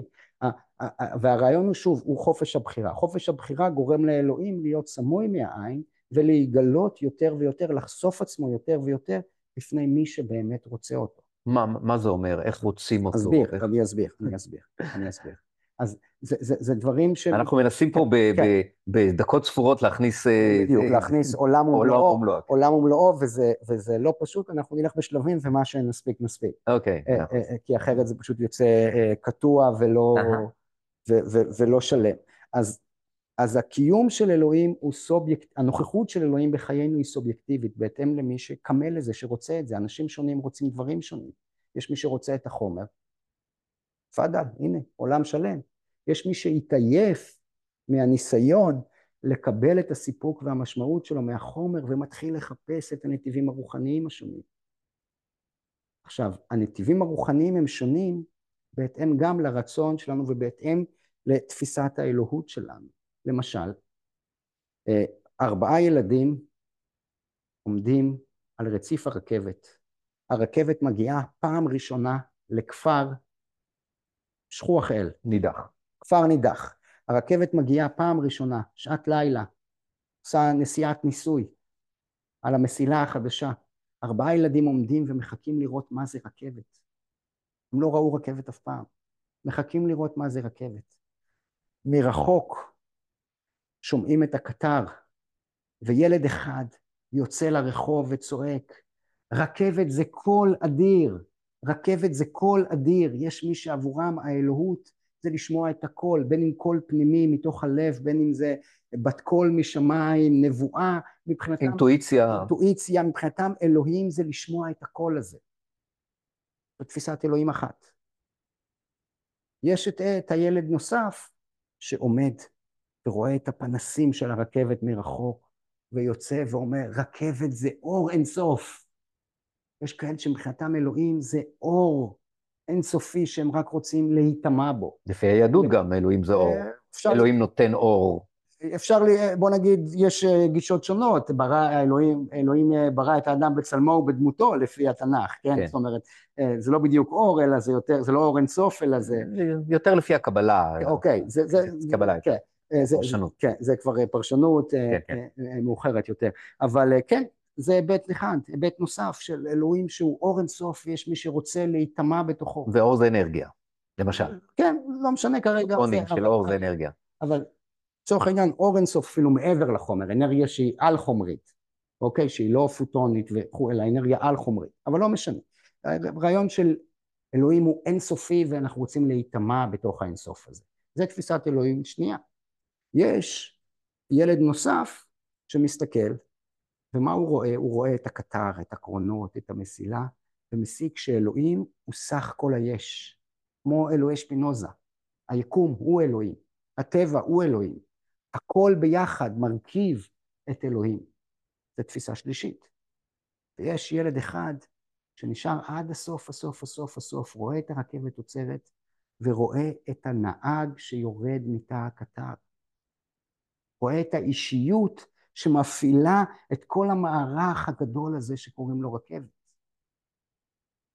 וזה בעצם האנשה באלף. זה לא האנשה, אלא זה האישיות. זה לא האנשה, זה לא שאני אומר שהוא אדם כי אני אדם, mm-hmm. אלא אני אומר, אני אישי כי הוא אישי. זה הפוך, הוא okay. אוקיי. המקור שלי. אז אני אישי כי, כי okay. הוא אוקיי. אישי, זה לא האנשה, אלא זה הפוך מהאנשה. זה לא אני אומר, אני תופס את אלוהים כמוני, אלא אני ככה כי הוא ככה, כי הוא המקור שלי. זה כמו שאם אני אומר שהשמש מחממת אותי, שקרני השמש מחממות אותי, אז אני יכול להסיק שגם בכדור השמש יש חור. כי כדור השמש נובע מ... כי קרני השמש נובעות מכדור השמש. Mm-hmm. זאת אומרת, כשאני אומר אלוהים הוא מישהו ולא משהו, זה לא כי אני מישהו אז אני מעניש אותו וחושב שגם הוא מישהו, אלא הפוך. אני אומר, בגלל שהוא המקור שלי ואני מישהו, אז גם הוא מישהו. זאת אומרת, okay. אוקיי. זה, זה הפוך, זה לא האנשה אלא זה הפוך. Mm-hmm. אבל יש ילד אחד שמסתכל על האישיות שיורדת מהרכבת, שמפעילה את המערך האדיר הזה שקוראים לו רכבת. הבאגבד גיתא הוא טקסט, או תורת הבקטי באופן כללי, מזמינה אותנו להכיר את האישיות של אלוהים, שמפעילה את כל המערך הזה. הרמב"ם למשל אומר במורה נבוכים, אומר שיש כאלו שרק שמעו שיש מלך, אבל לא ראו אותו אף פעם. רק שמעו על זה שיש מלך.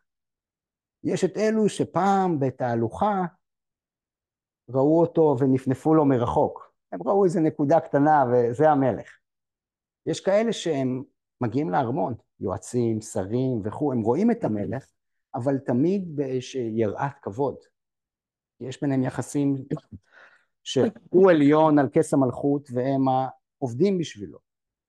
ומעטים מעטים הם אלו שראו את המלך בגן הפנימי שלו, שהוא מוריד את הכתר, ויש לו פשוט יחסים עם האוהבים אותו, כי המלך זה תפקיד, יש אישיות שעושה את התפקיד. הבאגבד גיתא הוא טקסט שמזמין אותנו להכיר את האישיות שעושה את התפקיד. והחיבור עם תא יכול לנבוע רק מבחירה. אז לכן התרגול הרוחני שנובע מאורח חיים מסוים, ממדיטציה וכו', הוא מה שפותח אותנו, הוא מה שגורם, או נגיד את זה ככה, אם יש בלתי מוגבל, אי אפשר להבין את הבלתי מוגבל עם המוח המוגבל שלנו והחושים המוגבלים שלנו. הדרך היחידה להבין את הבלתי מוגבל, כי אז הבלתי מוגבל היה מוגבל, נכון?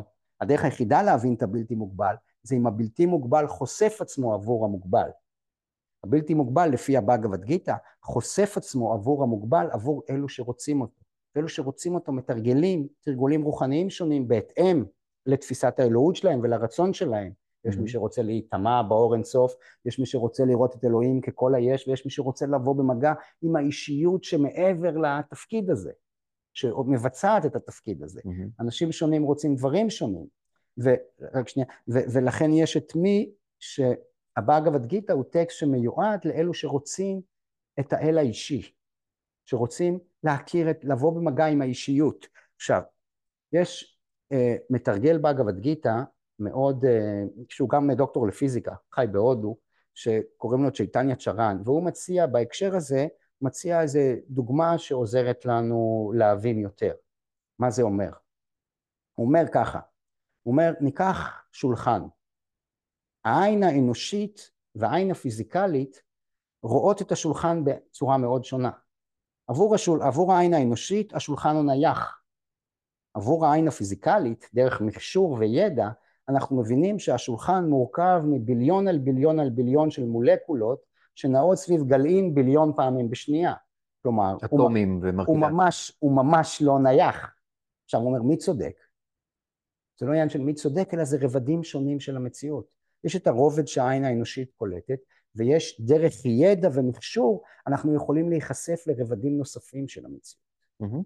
כך גם התרגול הרוחני, המדיטציה, עוזרת לנו לפתח מכשור פנימי שחושף בפנינו את הרבדים המטאפיזיים של המציאות. Okay. אוקיי. וזה דורש כמובן ידע ודורש תרגול. עוד שאלה אחת ששאלת, לגבי מדוע הדתיים שכופים אורח חיים דתי על האחר לא יכולים להיות הנציגים של אלוהים. או במילים אחרות, מה ההבדל בין דת ל- לרוח? אה, זה לא רק מה ההבדל בין דת לרוח, כאילו, זה שתי שאלות שונות. כן. ההבדל okay. בין דת ליוגה מאוד, הוא מאוד פשוט. יוגה זה חיבור, דת זה חוק. אגב, גם בדת, ב, ב, המילה דת היא לא בעברית, היא לקוחה מפרסית, mm-hmm. והמשמעות שלה הוא חוק, ציות לחוק. עכשיו, הדת, בניגוד ליוגה, דנה במציאות החיצונית. ב... תעשה ככה, תעשה אחרת. תעשה ככה, תקבל ככה, באיך אדם חי מול הקהילה שלו, מול החברה, מול חברו. מול אלוהים, מה לעשות, מה להגיד. הדת חיה מול המציאות החיצונית, זאת אומרת, אם תעשה ככה וככה, היא בעצם נותנת כללים כדי שלשמור על איזשהו תלם חברתי תרבותי מסוים. וגם להתקרב לאלוהות בדרך שלה. אה, אולי להתקרב, אולי לא, אפשר, אפשר לדבר על זה, כן? זה גם לא בהכרח, זאת אומרת, זה לא פועל, אה, זה לא בצורה אוטומטית וטבעית, אלא תעשה ככה וככה, תעשה אחרת, אה, אל תעשה את זה, תעשה את זה, וככה אנחנו צריכים איזה אורח חיים מסוים, או אם ניקח, הבאגבד גיתא מסבירה דת מהי בפרק השלישי, והיא אומרת שדת מלמדת אותנו איך לווסת קצת את האגוצנטריות שלנו, לא לגבור עליה, אלא לווסת אותה, להפוך אותה, זאת אומרת, האדם רוצה להיות במרכז, והוא רוצה שיהיה לו כמה שיותר, אז הדת אומרת לו, בשביל שיהיה לך כמה שיותר, אתה צריך לשמור על אורח חיים מסוים, ואתה צריך להתפלל לאלים לצורך העניין, ואז האלים ייתנו לך שפע. עכשיו, מה זה התפילה לאלים ומה זה הפולחן לאלים? הפולחן לאלים זה איך האלים מרוצים, שאתה עושה טקסי פולחן. מה, מה קורה בטקסי הפולחן? בטקסי הפולחן אתה צריך לחלק את מה שיש לך עם מי שאין לו. זה חלק מהפולחן. ואז בעצם הדת אומרת לך, אתה רוצה להיות, שיהיה לך שפע ושגשוג. מי שרק מי שחולק את מה שיש לו עם אחרים, יכול שיהיה לו שפע ושגשוג. זה גם המעשר ביהדות. כן, זה אותו רעיון בדיוק, אותו רעיון בדיוק. ואז בעצם אלוהים יהיה מרוצה שניתן מעשר. אם לא ניתן מעשר הוא לא יהיה מרוצה. או במילים אחרות, אתה אגוצנטרי, אתה אנוכי שחושב רק על עצמך, אז כדי שיהיה לך תלמד שאתה צריך לחלק עם אחרים. זה לא. כאילו להתפתח מעבר לאגוצנטריות, לכיוון... לא מעבר לאגוצנטריות, זה עדיין אגוצנטרי לחלוטין, אתה כן. עושה את זה כי אתה מאמין שככה יהיה לך יותר. כן. זאת אומרת, זה עדיין אגוצנטרי לחלוטין, אבל זה במקום אגוצנטרי נבער שדורס את האחר, זה אגוצנטרי שמעניק לאחר. שזה שלב נקרא... בהתפתחות. כן, אם נקרא לזה, זה אגוצנטרי טוב על פני אגוצנטרי רע, אבל זה עדיין אגוצנטרי. Mm-hmm. כי זה בכלל לא, כי הדת לא גורמת לנו בכלל לעבוד על העניינים הפנימיים שלנו, אה, לא, זה לא מחויב למציאות. בן אדם יכול לשמור שבת לצורך העניין, בלי שום מחשבה וכוונה, אלא פשוט כי זה מה שאמרו לעשות, נקודה. זה לא מחייב התבוננות פנימית. הוא יכול לנצל את השבת גם להתבוננות פנימית, אבל זה כבר מעבר למצווה, מה שנקרא. Mm-hmm. כן? זה כבר אקסטרה. זה okay. כבר אוקיי. מעבר למצווה. המצווה עצמה היא לאכול כשר. אוקיי. Okay. זה לא להתחיל אה, לחשוב למה וכו' ואיך זה משפיע על התודעה שלי, ואתה mm-hmm. יודע, וכל okay. מיני דברים כאלה. עכשיו, יוגה, חיבור רוחני, הוא שונה. חיבור רוחני לא עוסק במציאות החיצונית, אלא במציאות הפנימית. אנחנו נכנסים פנימה ועוסקים במציאות הרוחנית, ואם נגיד עוד דבר מאוד מאוד חשוב, וזה לא רק דת, אלא דת שנלווית אליה אידיאולוגיה. למשל, אם הגאולה שלי היא גאולה קולקטיבית, אז נדפקתי. אני חייב את חגי בשביל הגאולה שלי. אם אני שומר שבת וחגי לא שומר שבת, לא תהיה לי גאולה, כי הגאולה שלי היא קולקטיבית. אז מה אני צריך לעשות? לכפות. לכפות על חגי לשמור שבת כדי שתהיה לי גאולה. אחרת אין לי גאולה, כי הגאולה שלי תלויה בחגי, לצורך העניין. ואז אני בבעיה, ואז מתפתחת אידיאולוגיה של כפייה.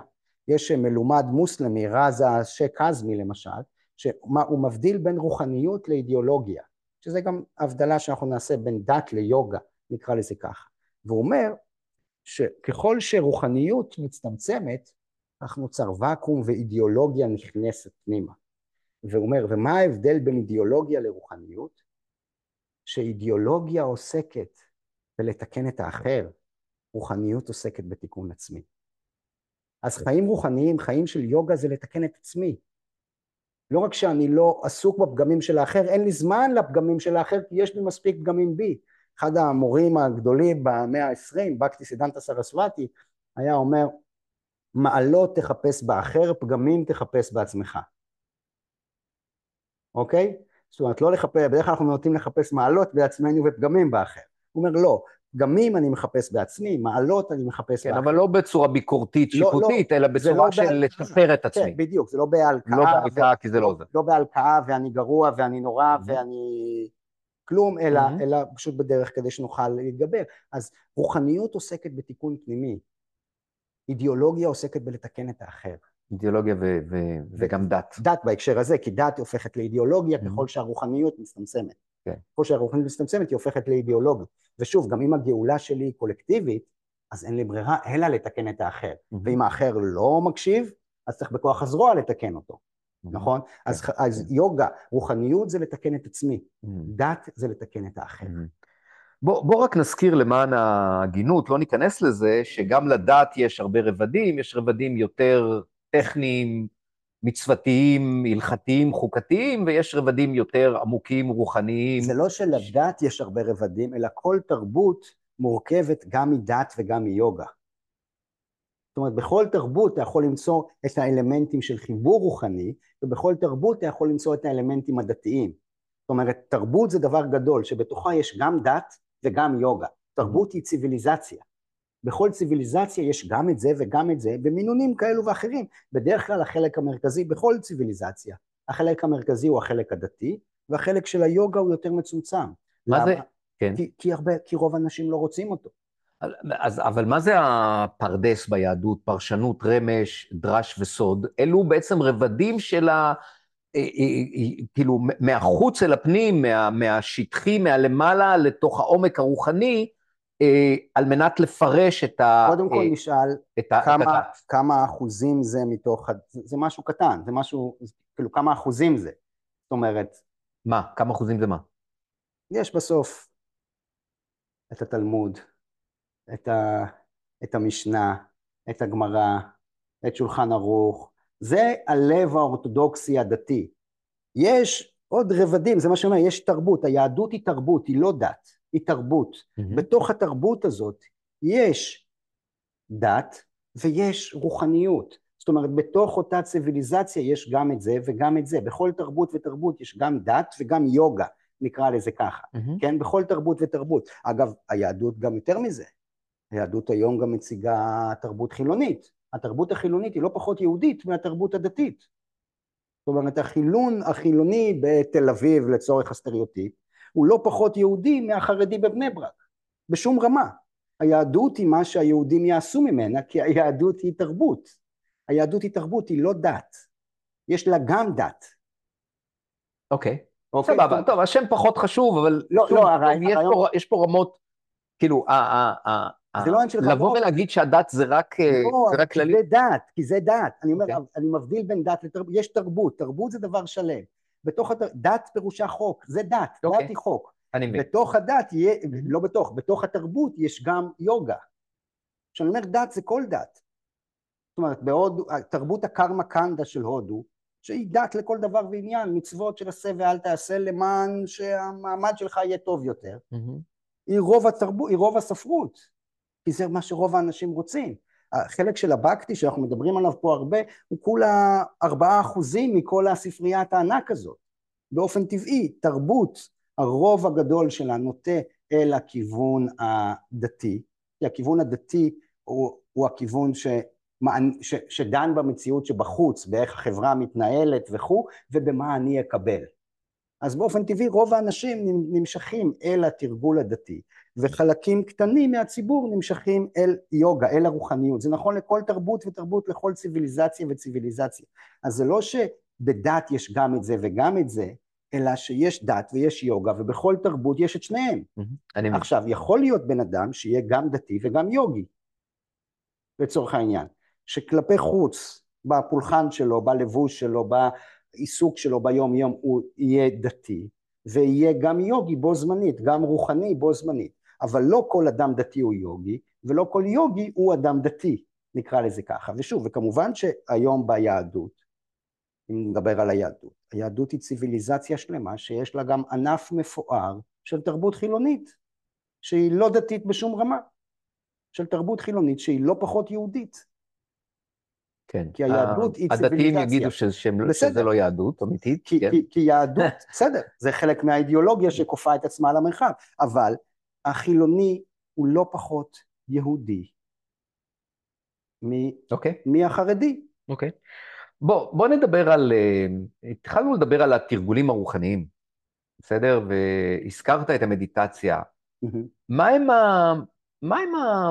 תן כמה אה, תרגולים רוחניים שהם אה, בהלימה לבקטי יוגה. אני, קצת קשה לתת תרגולים רוחניים בהלימה לבקטי יוגה, כי זה דורש עוד הסברים ארוכים שזמננו לא יאפשר לנו. Mm-hmm. מה שאני כן, נתתי את הטיפ הראשוני, שהוא ההתחלה של ההתחלה, שהוא הצעד הראשון, אבל הצעד הראשון הזה הוא לא צעד קטן.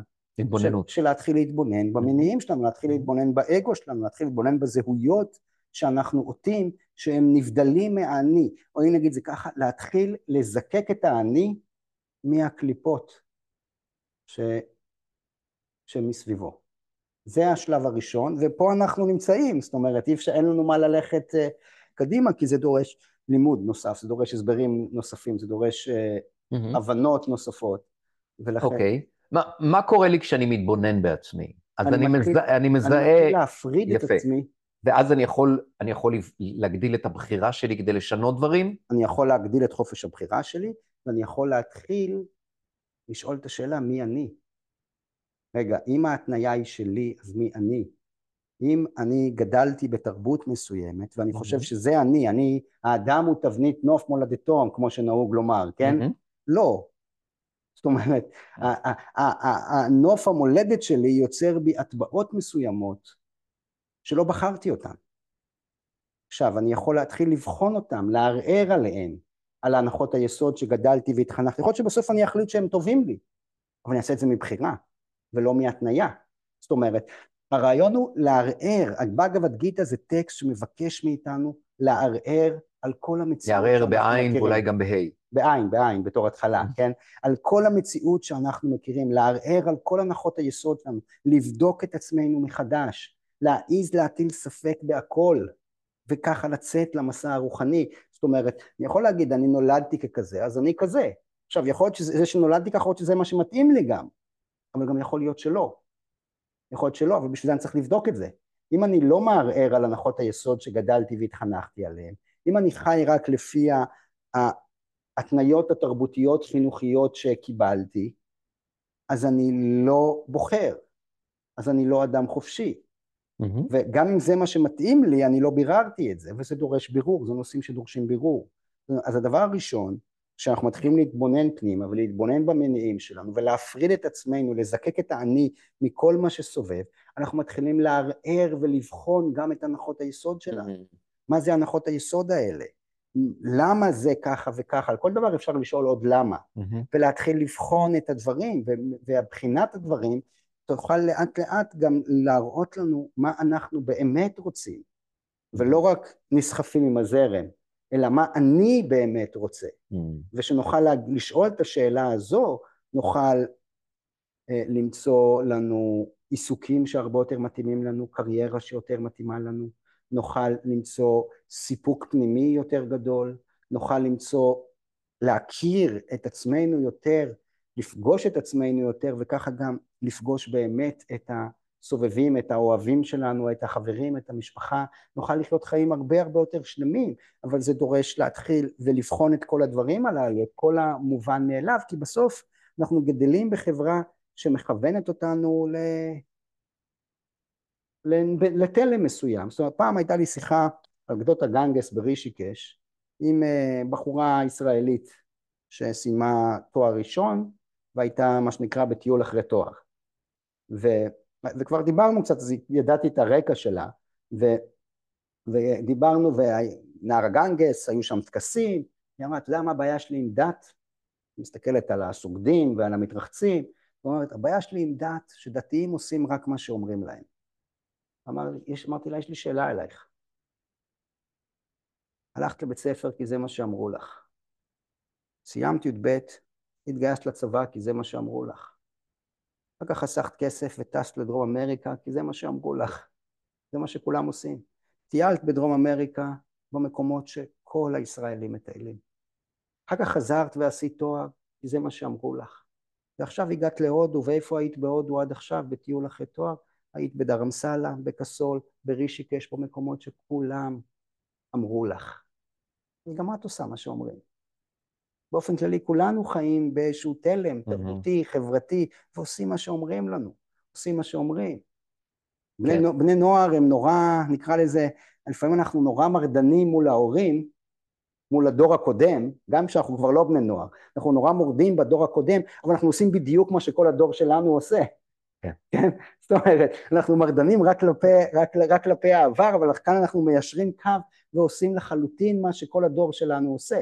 כן. אוקיי? ו, ו, ו, ו, אז הצד הראשון של תרגול רוחני זה להתחיל לערער על זה, להתחיל. לבחון את זה. לא, אני לא רוצה לפעול בצורה אוטומטית כי זה מה שעושים.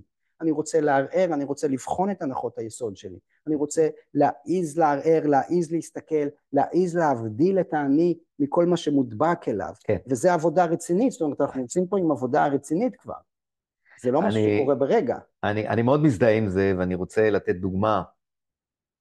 לכל מה שאמרת בדקות האחרונות, והדוגמה הזאת היא אישית שלי. דוגמה שאני רואה חשבון, הייתי בעולם הזה 22 שנה, עשיתי את מה שאמרו לי, אה, הורים אמרו לי, אתה תהיה רואה חשבון, ו, אמ, והלכתי ולמדתי ועבדתי, ו- וכן, בחרתי גם פה ושם את הנתיב שלי וכולי וכולי, אבל בסופו של דבר הגעתי בגיל 45-6 לעברי פי פחת, כי אני קם בבוקר, אני לא אוהב את העבודה הזאת, אני לא אוהב את החיים שלי, אני לא מאושר, אה, אין לי אופק להתפתחות, אה, יש סימני שאלה על, ה, על הקיום החומרי שלי, כי מעמדי כסמנכ"ל כספים בהייטק היה כבר מאוד מאוד שברירי, וכבר התחילו להעדיף צעירים זולים יותר על פניי. ואני מסתכל קדימה, אני אומר, יש לי עוד אה, בין 20 ל-30 שנה לעבוד, רגע, מה, מה, ככה הולכים לראות את החיים שלי? ובעצם מה שאני מתאר, וזה מה שקורה להרבה אנשים, וזה קורה בחיים המאוד דינמיים שלנו, כי החיים באמת נעשים יותר ויותר מהירים, דינמיים, אנחנו נקלעים למשברים.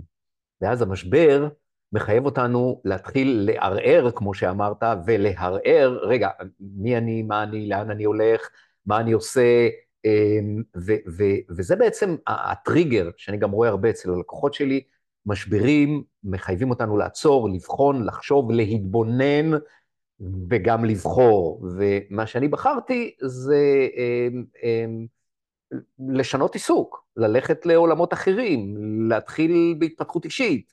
אה, אני עושה את זה כבר 18 שנה, בארבע שנים איתך, אבל לא רק, אני כל הזמן לומד ומתפתח, וזה מסע אינסופי, שכל הזמן מלמד אותי להתבונן, לזהות, לבחור, ובחירה אחת לא יוצרת שינוי, אנחנו צריכים גם לתרגל את זה שוב ושוב ושוב, ומשם גם בעצם צמחה הדרך שלי, ש, שאני לא המצאתי אותה, כי אתה, אתה די תיארת אותה, אה, אבל אני לוקח את העקרונות של מודעות, ידע, יכולות להתבונן, והתבוננות זה קודם כל על עצמנו, את הגדלת יכולת הבחירה שלנו, שהיא קריטית, כן? כי אנחנו חיים באוטומט, והתרגול של זה לאורך זמן יוצר בעצם שינוי, כמו כל דבר שלמדנו בחיים, מהמקום הזה של תרגלנו עוד שיעור ניגה ועוד שיעור ניגה ועוד שיעור ניגה ועוד כרוך טוב ועוד כרוך טוב, וככה בעצם נבנה תהליך שחייבים לציין, הוא תהליך אבולוציוני, הוא הדרגתי, הוא התפתחותי, זה לא משהו שקורה בן לילה.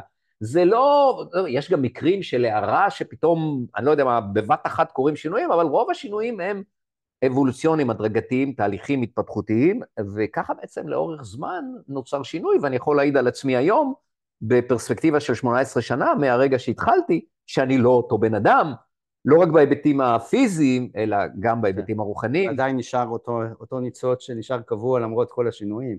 זאת אומרת, אתה גם לא יכול להגיד שההוא זה לא אתה. ההול זה לא אתה, למה אתה מתכוון? אני אומר, אתה לא, כאילו, למרות כל השינויים, עדיין נשאר משהו אחד קבוע, זה אני. זאת אומרת, תפסתי את המציאות בצורה אחרת, היום אני תופס אותה בצורה שונה לחלוטין, אבל אני הוא זה שתפס אותה אז, ואני הוא זה שתופס אותה היום. אחרת אני לא, יכול, לא הייתי יכול לדבר ככה רטרואקטיבית על הסיפור שלי אם זה לא היה אני. נכון, ויחד עם זאת, האני האמיתי שלי היום הוא הרבה יותר ברור. אני אמיתי, אותה, אותה היבט כן. רוחני, אותו, אותו זה, ואני גם, גם מתרגל חלק גדול מהדברים שאתה מלמד, ו, ו, ואני רואה איך בשנים האחרונות, ה, נקרא לזה העושר שלי, פשוט מאוד, זה מתרגם בסופו של דבר לעושר, באלף, לשביעות רצון מהחיים, mm. למתינות, למחשבה, לסבלנות, לאינטליגנציה רגשית. מאוד מאוד חשוב פה אינטליגנציה רגשית, כי ההתניות שאנחנו דיברנו עליהן הרבה פעמים מובילות אותנו לכל מיני התנהגויות אוטומטיות רגשיות, כעסים, התפרצויות, תסכולים, כל מיני דברים שבעצם פוגעים בנו, מורידים אותנו, ובכלל לא הזכרנו את המשמעות של כל הדברים האלו על הבריאות שלנו, שהיום בריאות זה, וואו, זה ביג טיים, אנחנו חיים בעולם שבו יש מחלות אה, כרוניות שלא היו לפני עשרות, ובטח לא לפני מאות שנים, שזה פשוט מגפות, מגפת הדיכאון, למשל. אה, אה, אז, אז ו- ו- וכאנושות, ופה אולי אנחנו נשים את הפאנצ' ליין, כאנושות אנחנו מחפשים פתרונות באמצעות כדורים. מה זה כדורים? זה או כדורים תרתי משמע, כלומר, כדורים לכל מיני דברים שיטפלו בסימפטום אבל לא מטפלים במקור, וגם כדורים בצורה של התמכרויות לחומר, לכל מיני דברים שבסופו של דבר אה, גורמות למשברים יותר חמורים, כי הם לא פותרות כלום. אז בעצם מה שאני אומר, ואולי תרחיב על זה בכמה מילים לסיכום, זה שהזכרת את זה מאוד, הפתרון הוא לא בחומר. אין רע בחומר, וחומר זה טוב, וגם אני אוהב חומר, והכל טוב ויפה, אבל אם אני רוצה באמת אה, להיות מאושר, זה חייב להיות ממקום פנימי, זה חייב להיות ממקום של להבין מי אני, את המהות הרוחנית שלי, את היכולת שלי להתבונן בעצמי, את היכולת שלי לבחור, ואת היכולת שלי להתנתק מהתניות שלי כדי להיות הרבה יותר חופשי בהתנהלות שלי בעולם. אתה רוצה להוסיף משהו על זה?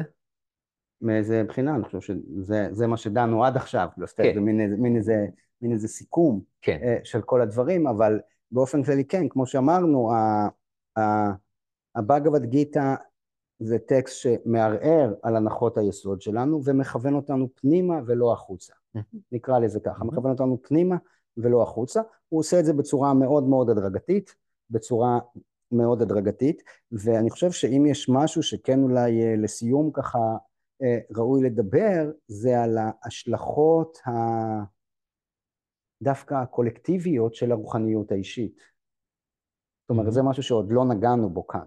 כן. אה, זאת אומרת, יש לרוחניות האישית, כי כביכול אפשר להגיד, מה זה, זה אינדיבידואלי לחלוטין, אז הוא מתרגל את המדיטציה שלו, והוא עושה את הדברים שלו, והוא עובד על המניעים שלו ועל התודעה שלו, הוא רק מרוכז בעצמו. איך זה מועיל לנו כאנושות, איך זה מועיל לאדם, איך זה מועיל לחברה? שאלה לגיטימית, נכון? לנו כעם? כן. למשל. כתרבות, שאלה לגיטימית. שאלה לגיטימית. ובמקרה או שלא במקרה, אה, זה הנושא של אה, הספר החדש שלי, אה, איג'רה גירות, ספר החדש שלי, שמנסה... שהוא השלישי? השלישי במספר, שהוא מנסה להסביר את ההשלכות הפוליטיות והחברתיות של הרוחניות האישית. זאת אומרת, שאני אומר, אני לא הגוף הזה, יש לזה השלכות פוליטיות חס... חסרות, כאילו, שאין לי, כאילו, יש להם השלכות פוליטיות מרחיקות לכת מאוד, שאני אומר שאני לא מחפש יותר בחומר את הסיפוק שלי ואת המשמעות שלי, יש לזה השלכות פוליטיות יוצאות מגדר הרגיל. זאת אומרת, יש כאן משהו שיש לו השלכות פוליטיות וחברתיות, כי אם אני מחפש, אם אני זה הגוף הזה, אז באופן טבעי נוצרים אנחנו והם.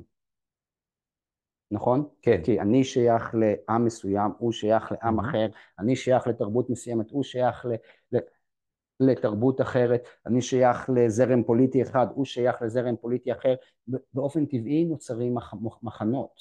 Mm-hmm. באופן טבעי נוצרים מחנות. ולא רק זה, זה גם, זה גם אם, אם, אם אני, זה הגוף הזה, אז אני קודם כל צריך לדאוג לעצמי. ויותר מזה, אבל... אם אני דואג אם, לעצמי, אז זה על חשבון אחר. אם אני הגוף הזה, והחומר הוא מה שייתן לי סיפוק, אז אני רוצה שכמה שיותר חומר ישתייך אליי. וזה בא על חשבון אחרים. אבל לא רק שזה בא על חשבון אחרים, גם האחר רוצה. ואז אנחנו נאבקים. ואז, אז נוצרים קונפליקטים, גם ברמה האישית אינדיבידואלית, גם ברמה הקולקטיבית, גם ברמה של בין עמים. למי שייכת האדמה הזאת. למי שייכת האדמה הזו, למשל. ואם, ואם אני לא הגוף הזה, אני לא חומר, אז לא החומר יביא לי את מה שאני צריך, אז מראש אני לא, אני גם לא לוקח בעלות על דבר, כי אני באתי לפה בלי, בלי כלום, אני אלך בלי כלום, כן? ואני לא לוקח, שום דבר כאן לא שלנו באמת, הכל אם כבר מושאל לנו יותר לשימוש מסוים, שום דבר כאן לא שלנו, זה משנה את כל ההסתכלות, גם הפוליטית והחברתית. זאת אומרת, נכון שזה דרך אינדיבידואלית ברמה שהתרגול הוא תרגול רוחני פנימי אישי שכל אחד צריך, כל אחד ואחת צריך וצריכה לעשות... קודם כל בשביל האושר שלו. כן, אבל גם יותר מזה, לעשות, אני צריך להתבונן במניעים שלי, לא במניעים שלך. כן? כאילו, התיקון הוא תיקון פנימי, אז באופן הזה זה מאוד אינדיבידואלי, אבל ברור שיש לזה השלכות מרחיקות לכת גם על החברה, קודם כל על התא המשפחתי שלי. ברגע שאני חי ומקבל את הסיפוק שלי מבפנים, אז אני יכול לשים למשל את הצורך של אשתי לפני הצורך שלי, כי כבר יש לי. ושהיא מתרגלת אותו אורח חיים, היא עושה את אותו דבר, ואז יש הרמוניה בבית. זאת אומרת, אני מנסה, וזה ההבדל גם אגב בין, בין מאוהבות לאהבה, בצורך, באופן הזה, שמאוהבות זה מרוכזות עצמית.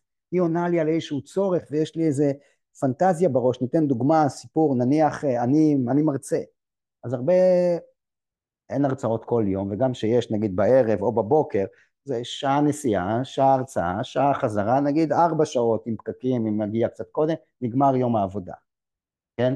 אז נגיד הייתה לי הרצאה בעשר, באחת אני בבית. או יש לי הרצאה בשמונה בערב, אני בבית כל היום. עכשיו, אשתי עובדת.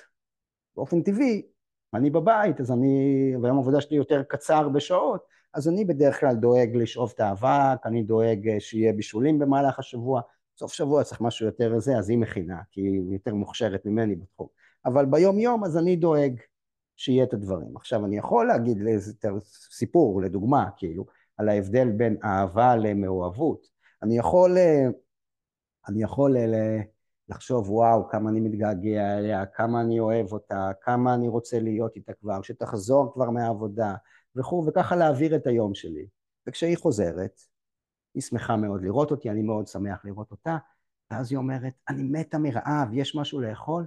ואומר אופס, שכחתי לבשל, כל יום חשבתי עלייך, כל יום התגעגעתי ושכחתי לבשל. זאת לא אהבה, זאת מאוהבות. באהבה אני אדע מה, צר, מה היא זקוקה לו, שהיא תחזור, ואני אדאג להכין את זה כדי שהיא תגיע ויהיה לה את מה שהיא צריכה.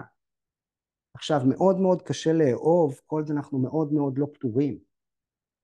כל עוד אנחנו מאוד מאוד מותנים ומאוד לא פתורים ומאוד ומתוסכלים מהניסיון העקר שלנו לממש את עצמנו בתוך החומר. אנחנו עסוקים בהתמקדות בעצמנו ופחות באנשים היקרים לנו. ואז זה מאוד קשה לאהוב באמת, אפשר להתאהב, או אפשר לשים, אהבה פירושו לשים את צרכיו של מושא האהבה לפני הצרכים שלנו. זה מכל הלב. מכל הלב. זה, זה לא- נתינה לא, מכל הלב. זה לא נתינה עבור מה יצא לי. או, שזה או, ריצוי. שזה ריצוי, או, או, או, או איזה מלחמה כזו על קביעת גבולות. את mm-hmm. עושה את זה, אני עושה את זה, ו- mm-hmm. ו- וככה חלוקה כזאת מסוימת כדי ליצור שלום בית, אוקיי? ש- שאגב, לפעמים צריך את החלוקות, אבל יש שאלה באיזה תודעה אנחנו עושים את החלוקות, כן? אה, אם אני ככה מתגונן על שלי ורוצה את הפנאי שלי והיא רוצה, אז, אז זה יוצא לא נעים. אם פשוט טכנית יש איקס זמן ביום, כל אחד יכול לעשות דברים אחרים ואנחנו עושים איזה חלוקה כדי שכל המטלות יקרו, זה משהו אחר. עושים את זה בשיתוף, מתוך אהבה, זה משהו אחר. כן. אבל הרעיון הוא שקשה, ש, שיש לזה השלכות, לחיים הרוחניים יש השלכות לא רק על החיים שלנו, אלא כמובן של הסובבים הקרובים שלנו, וככל שהמעגלים גדולים, גדלים, גם על המציאות הקולקטיבית הקולקטיבית. זאת אומרת בעצמה. שגאולה אישית מובילה לגאולה קולקטיבית? לא, אפשר להגיד את זה? לא נגיד גאולה אישית שזה, מובילה לגאולה קולקטיבית, כי כל אחד צריך לעשות את העבודה שלו. זה לא שיגיע משיח ויגאל את כולנו, כן? Mm-hmm. כל אחד צריך לעשות את העבודה שלו, אבל, אה, אבל כשאני מתרגל תרגול רוחני, אה, נקרא לזה כנה ואינטנסיבי, אני משנה את האווירה של, ש, שנמצאת סביבי, את המגעים שלי עם האחרים, ואז הם חווים מזה משהו ויכולים גם לשנות את המגעים שלהם עם האחרים, וזה מעגל שהולך וגדל. אדוות כן. של, של בדיוק, השפעה רוחנית בדיוק. שמתפשטת ועושה בדיוק, טוב. בדיוק, זה מעגל שהולך וגדל, כמו שזורקים אבן למקווה מים, שיש מעגל אדבות, אחד, כן. מעגל שני, מעגל שלישי, אז זה הרעיון. Mm. וכמובן, וכמובן שזה, שוב, שההשלכות הן מרחיקות לכת, זאת אומרת, זה לא מסתיים בקיום האישי שלי, אלא שינוי אמיתי הוא שינוי שלא מתחיל מלמעלה למטה, אלא מלמטה למעלה. הוא שינוי תודעתי, ותודעתי זה כל אחד ואחד צריך וצריכה לעשות את השינוי שלו ושלה. השינוי מתחיל מבפנים, והוא מתחיל בצורה תודעתית, הדרגתית. כן, זה לא לוקח יום ולא לוקח יומיים, זאת עבודה, אבל רק ככה אפשר לעשות דברים מהשורש. אפשר לגעת בדברים מהשורש ולא רק לשים פלסטרים על סימפטומים. מדהים. טוב, אנחנו, וואו, אמ, זה היה עד כה מדהים, אנחנו עמוק בתוך, ה, מעבר למסגרת של השעה, אבל זה בסדר. אמ, לקראת סיום, אמ, יש לי עוד המון שאלות, אבל אנחנו נדלג עליהן, אולי בהזדמנות אחרת. איפה אפשר ללמוד עוד אה, על עבודתך, אה, ללמוד ממך, ספרים שלך? את, ה, את הספרים אפשר להשיג דרך, אה, כאילו אינטרנטית למעשה, אפשר ליצור איתי קשר בפייסבוק גם, אה, וכו'. רז הנדלר בעברית, באנגלית? באנגלית. באנגלית, רז הנדלר באנגלית, אוקיי. אפשר אה, לעקוב אחריי בפייסבוק, להציע חברות, שם אני גם מעלה פוסטים שמקשרים בין העולם הרוחני לאקטואלי, על בסיס כמעט יומי, גם אפשר דרכי להגיע לקישור לספרים שלי, לאיך קונים את הספרים אונליין. אה, ו- וזה בגדול. אתר לא? אין לך אתר? אין לי אתר, אני עובד, יש, זה לא אתר, יש אפליקציה שקוראים לה דרוב, שמין מאגר כזה ש, ש, שאפשר, שיש לי בו דף, ובדף שלי אז אני מוכר, יש כאילו קניית אונליין של, הבנתי, של הספרים. אבל הכי טוב זה דרך הפייסבוק להגיע. כן. רז הנדלר כן, באנגלית. כן. רז, יש משהו שהייתי צריך לשאול אותך ולא שאלתי? נראה לי שלא, נראה לי שסך הכל נגענו כמה שאפשר, אה, עד כמה שאפשר נגענו בדברים. כן, אני חושב שזה היה מעולה, אני חושב שהיו פה הרבה תובנות, ואנשים קצת אה, מבינים יותר את, ה, את החוכמה העתיקה הזאת, ואני לומד אותה ארבע שנים כבר, וזו חוכמה מדהימה, מאוד רלוונטית לימינו אנו, אה, מאוד משליכה. אגב, התחלת, נגעת בזה, אבל אפשר שם עוד להעמיק על הפוליטיקה בימינו אנו, על, על מה שקורה לנו כעם, אני יודע שאתה עוסק בזה גם הרבה אה, בפייסבוק, מדבר הרבה גם על הדתות אחרות, כן, מהמקום של התיאולוג. רוצה להודות לך תודה רבה. אמ, היה לי ממש לעונג, אני חושב שיש פה הרבה ערך, ולמי שמקשיב לנו, רואה בנו, אה, רואה אותנו, אה, אם אהבתם, אה, אז תפרגנו, שתפו, תגיבו, תדרגו, ואל תתקמצנו, תחלקו את זה עם האנשים העיקרים בסביבה שלכם, כי אם אתם נהנתם, יש סיכויים טובים שגם הם ייהנו, יפיקו תועלת. אמ, אז תודה רבה, תודה רבה. ונתראה בהגשמות, כמו שאני אומר תמיד.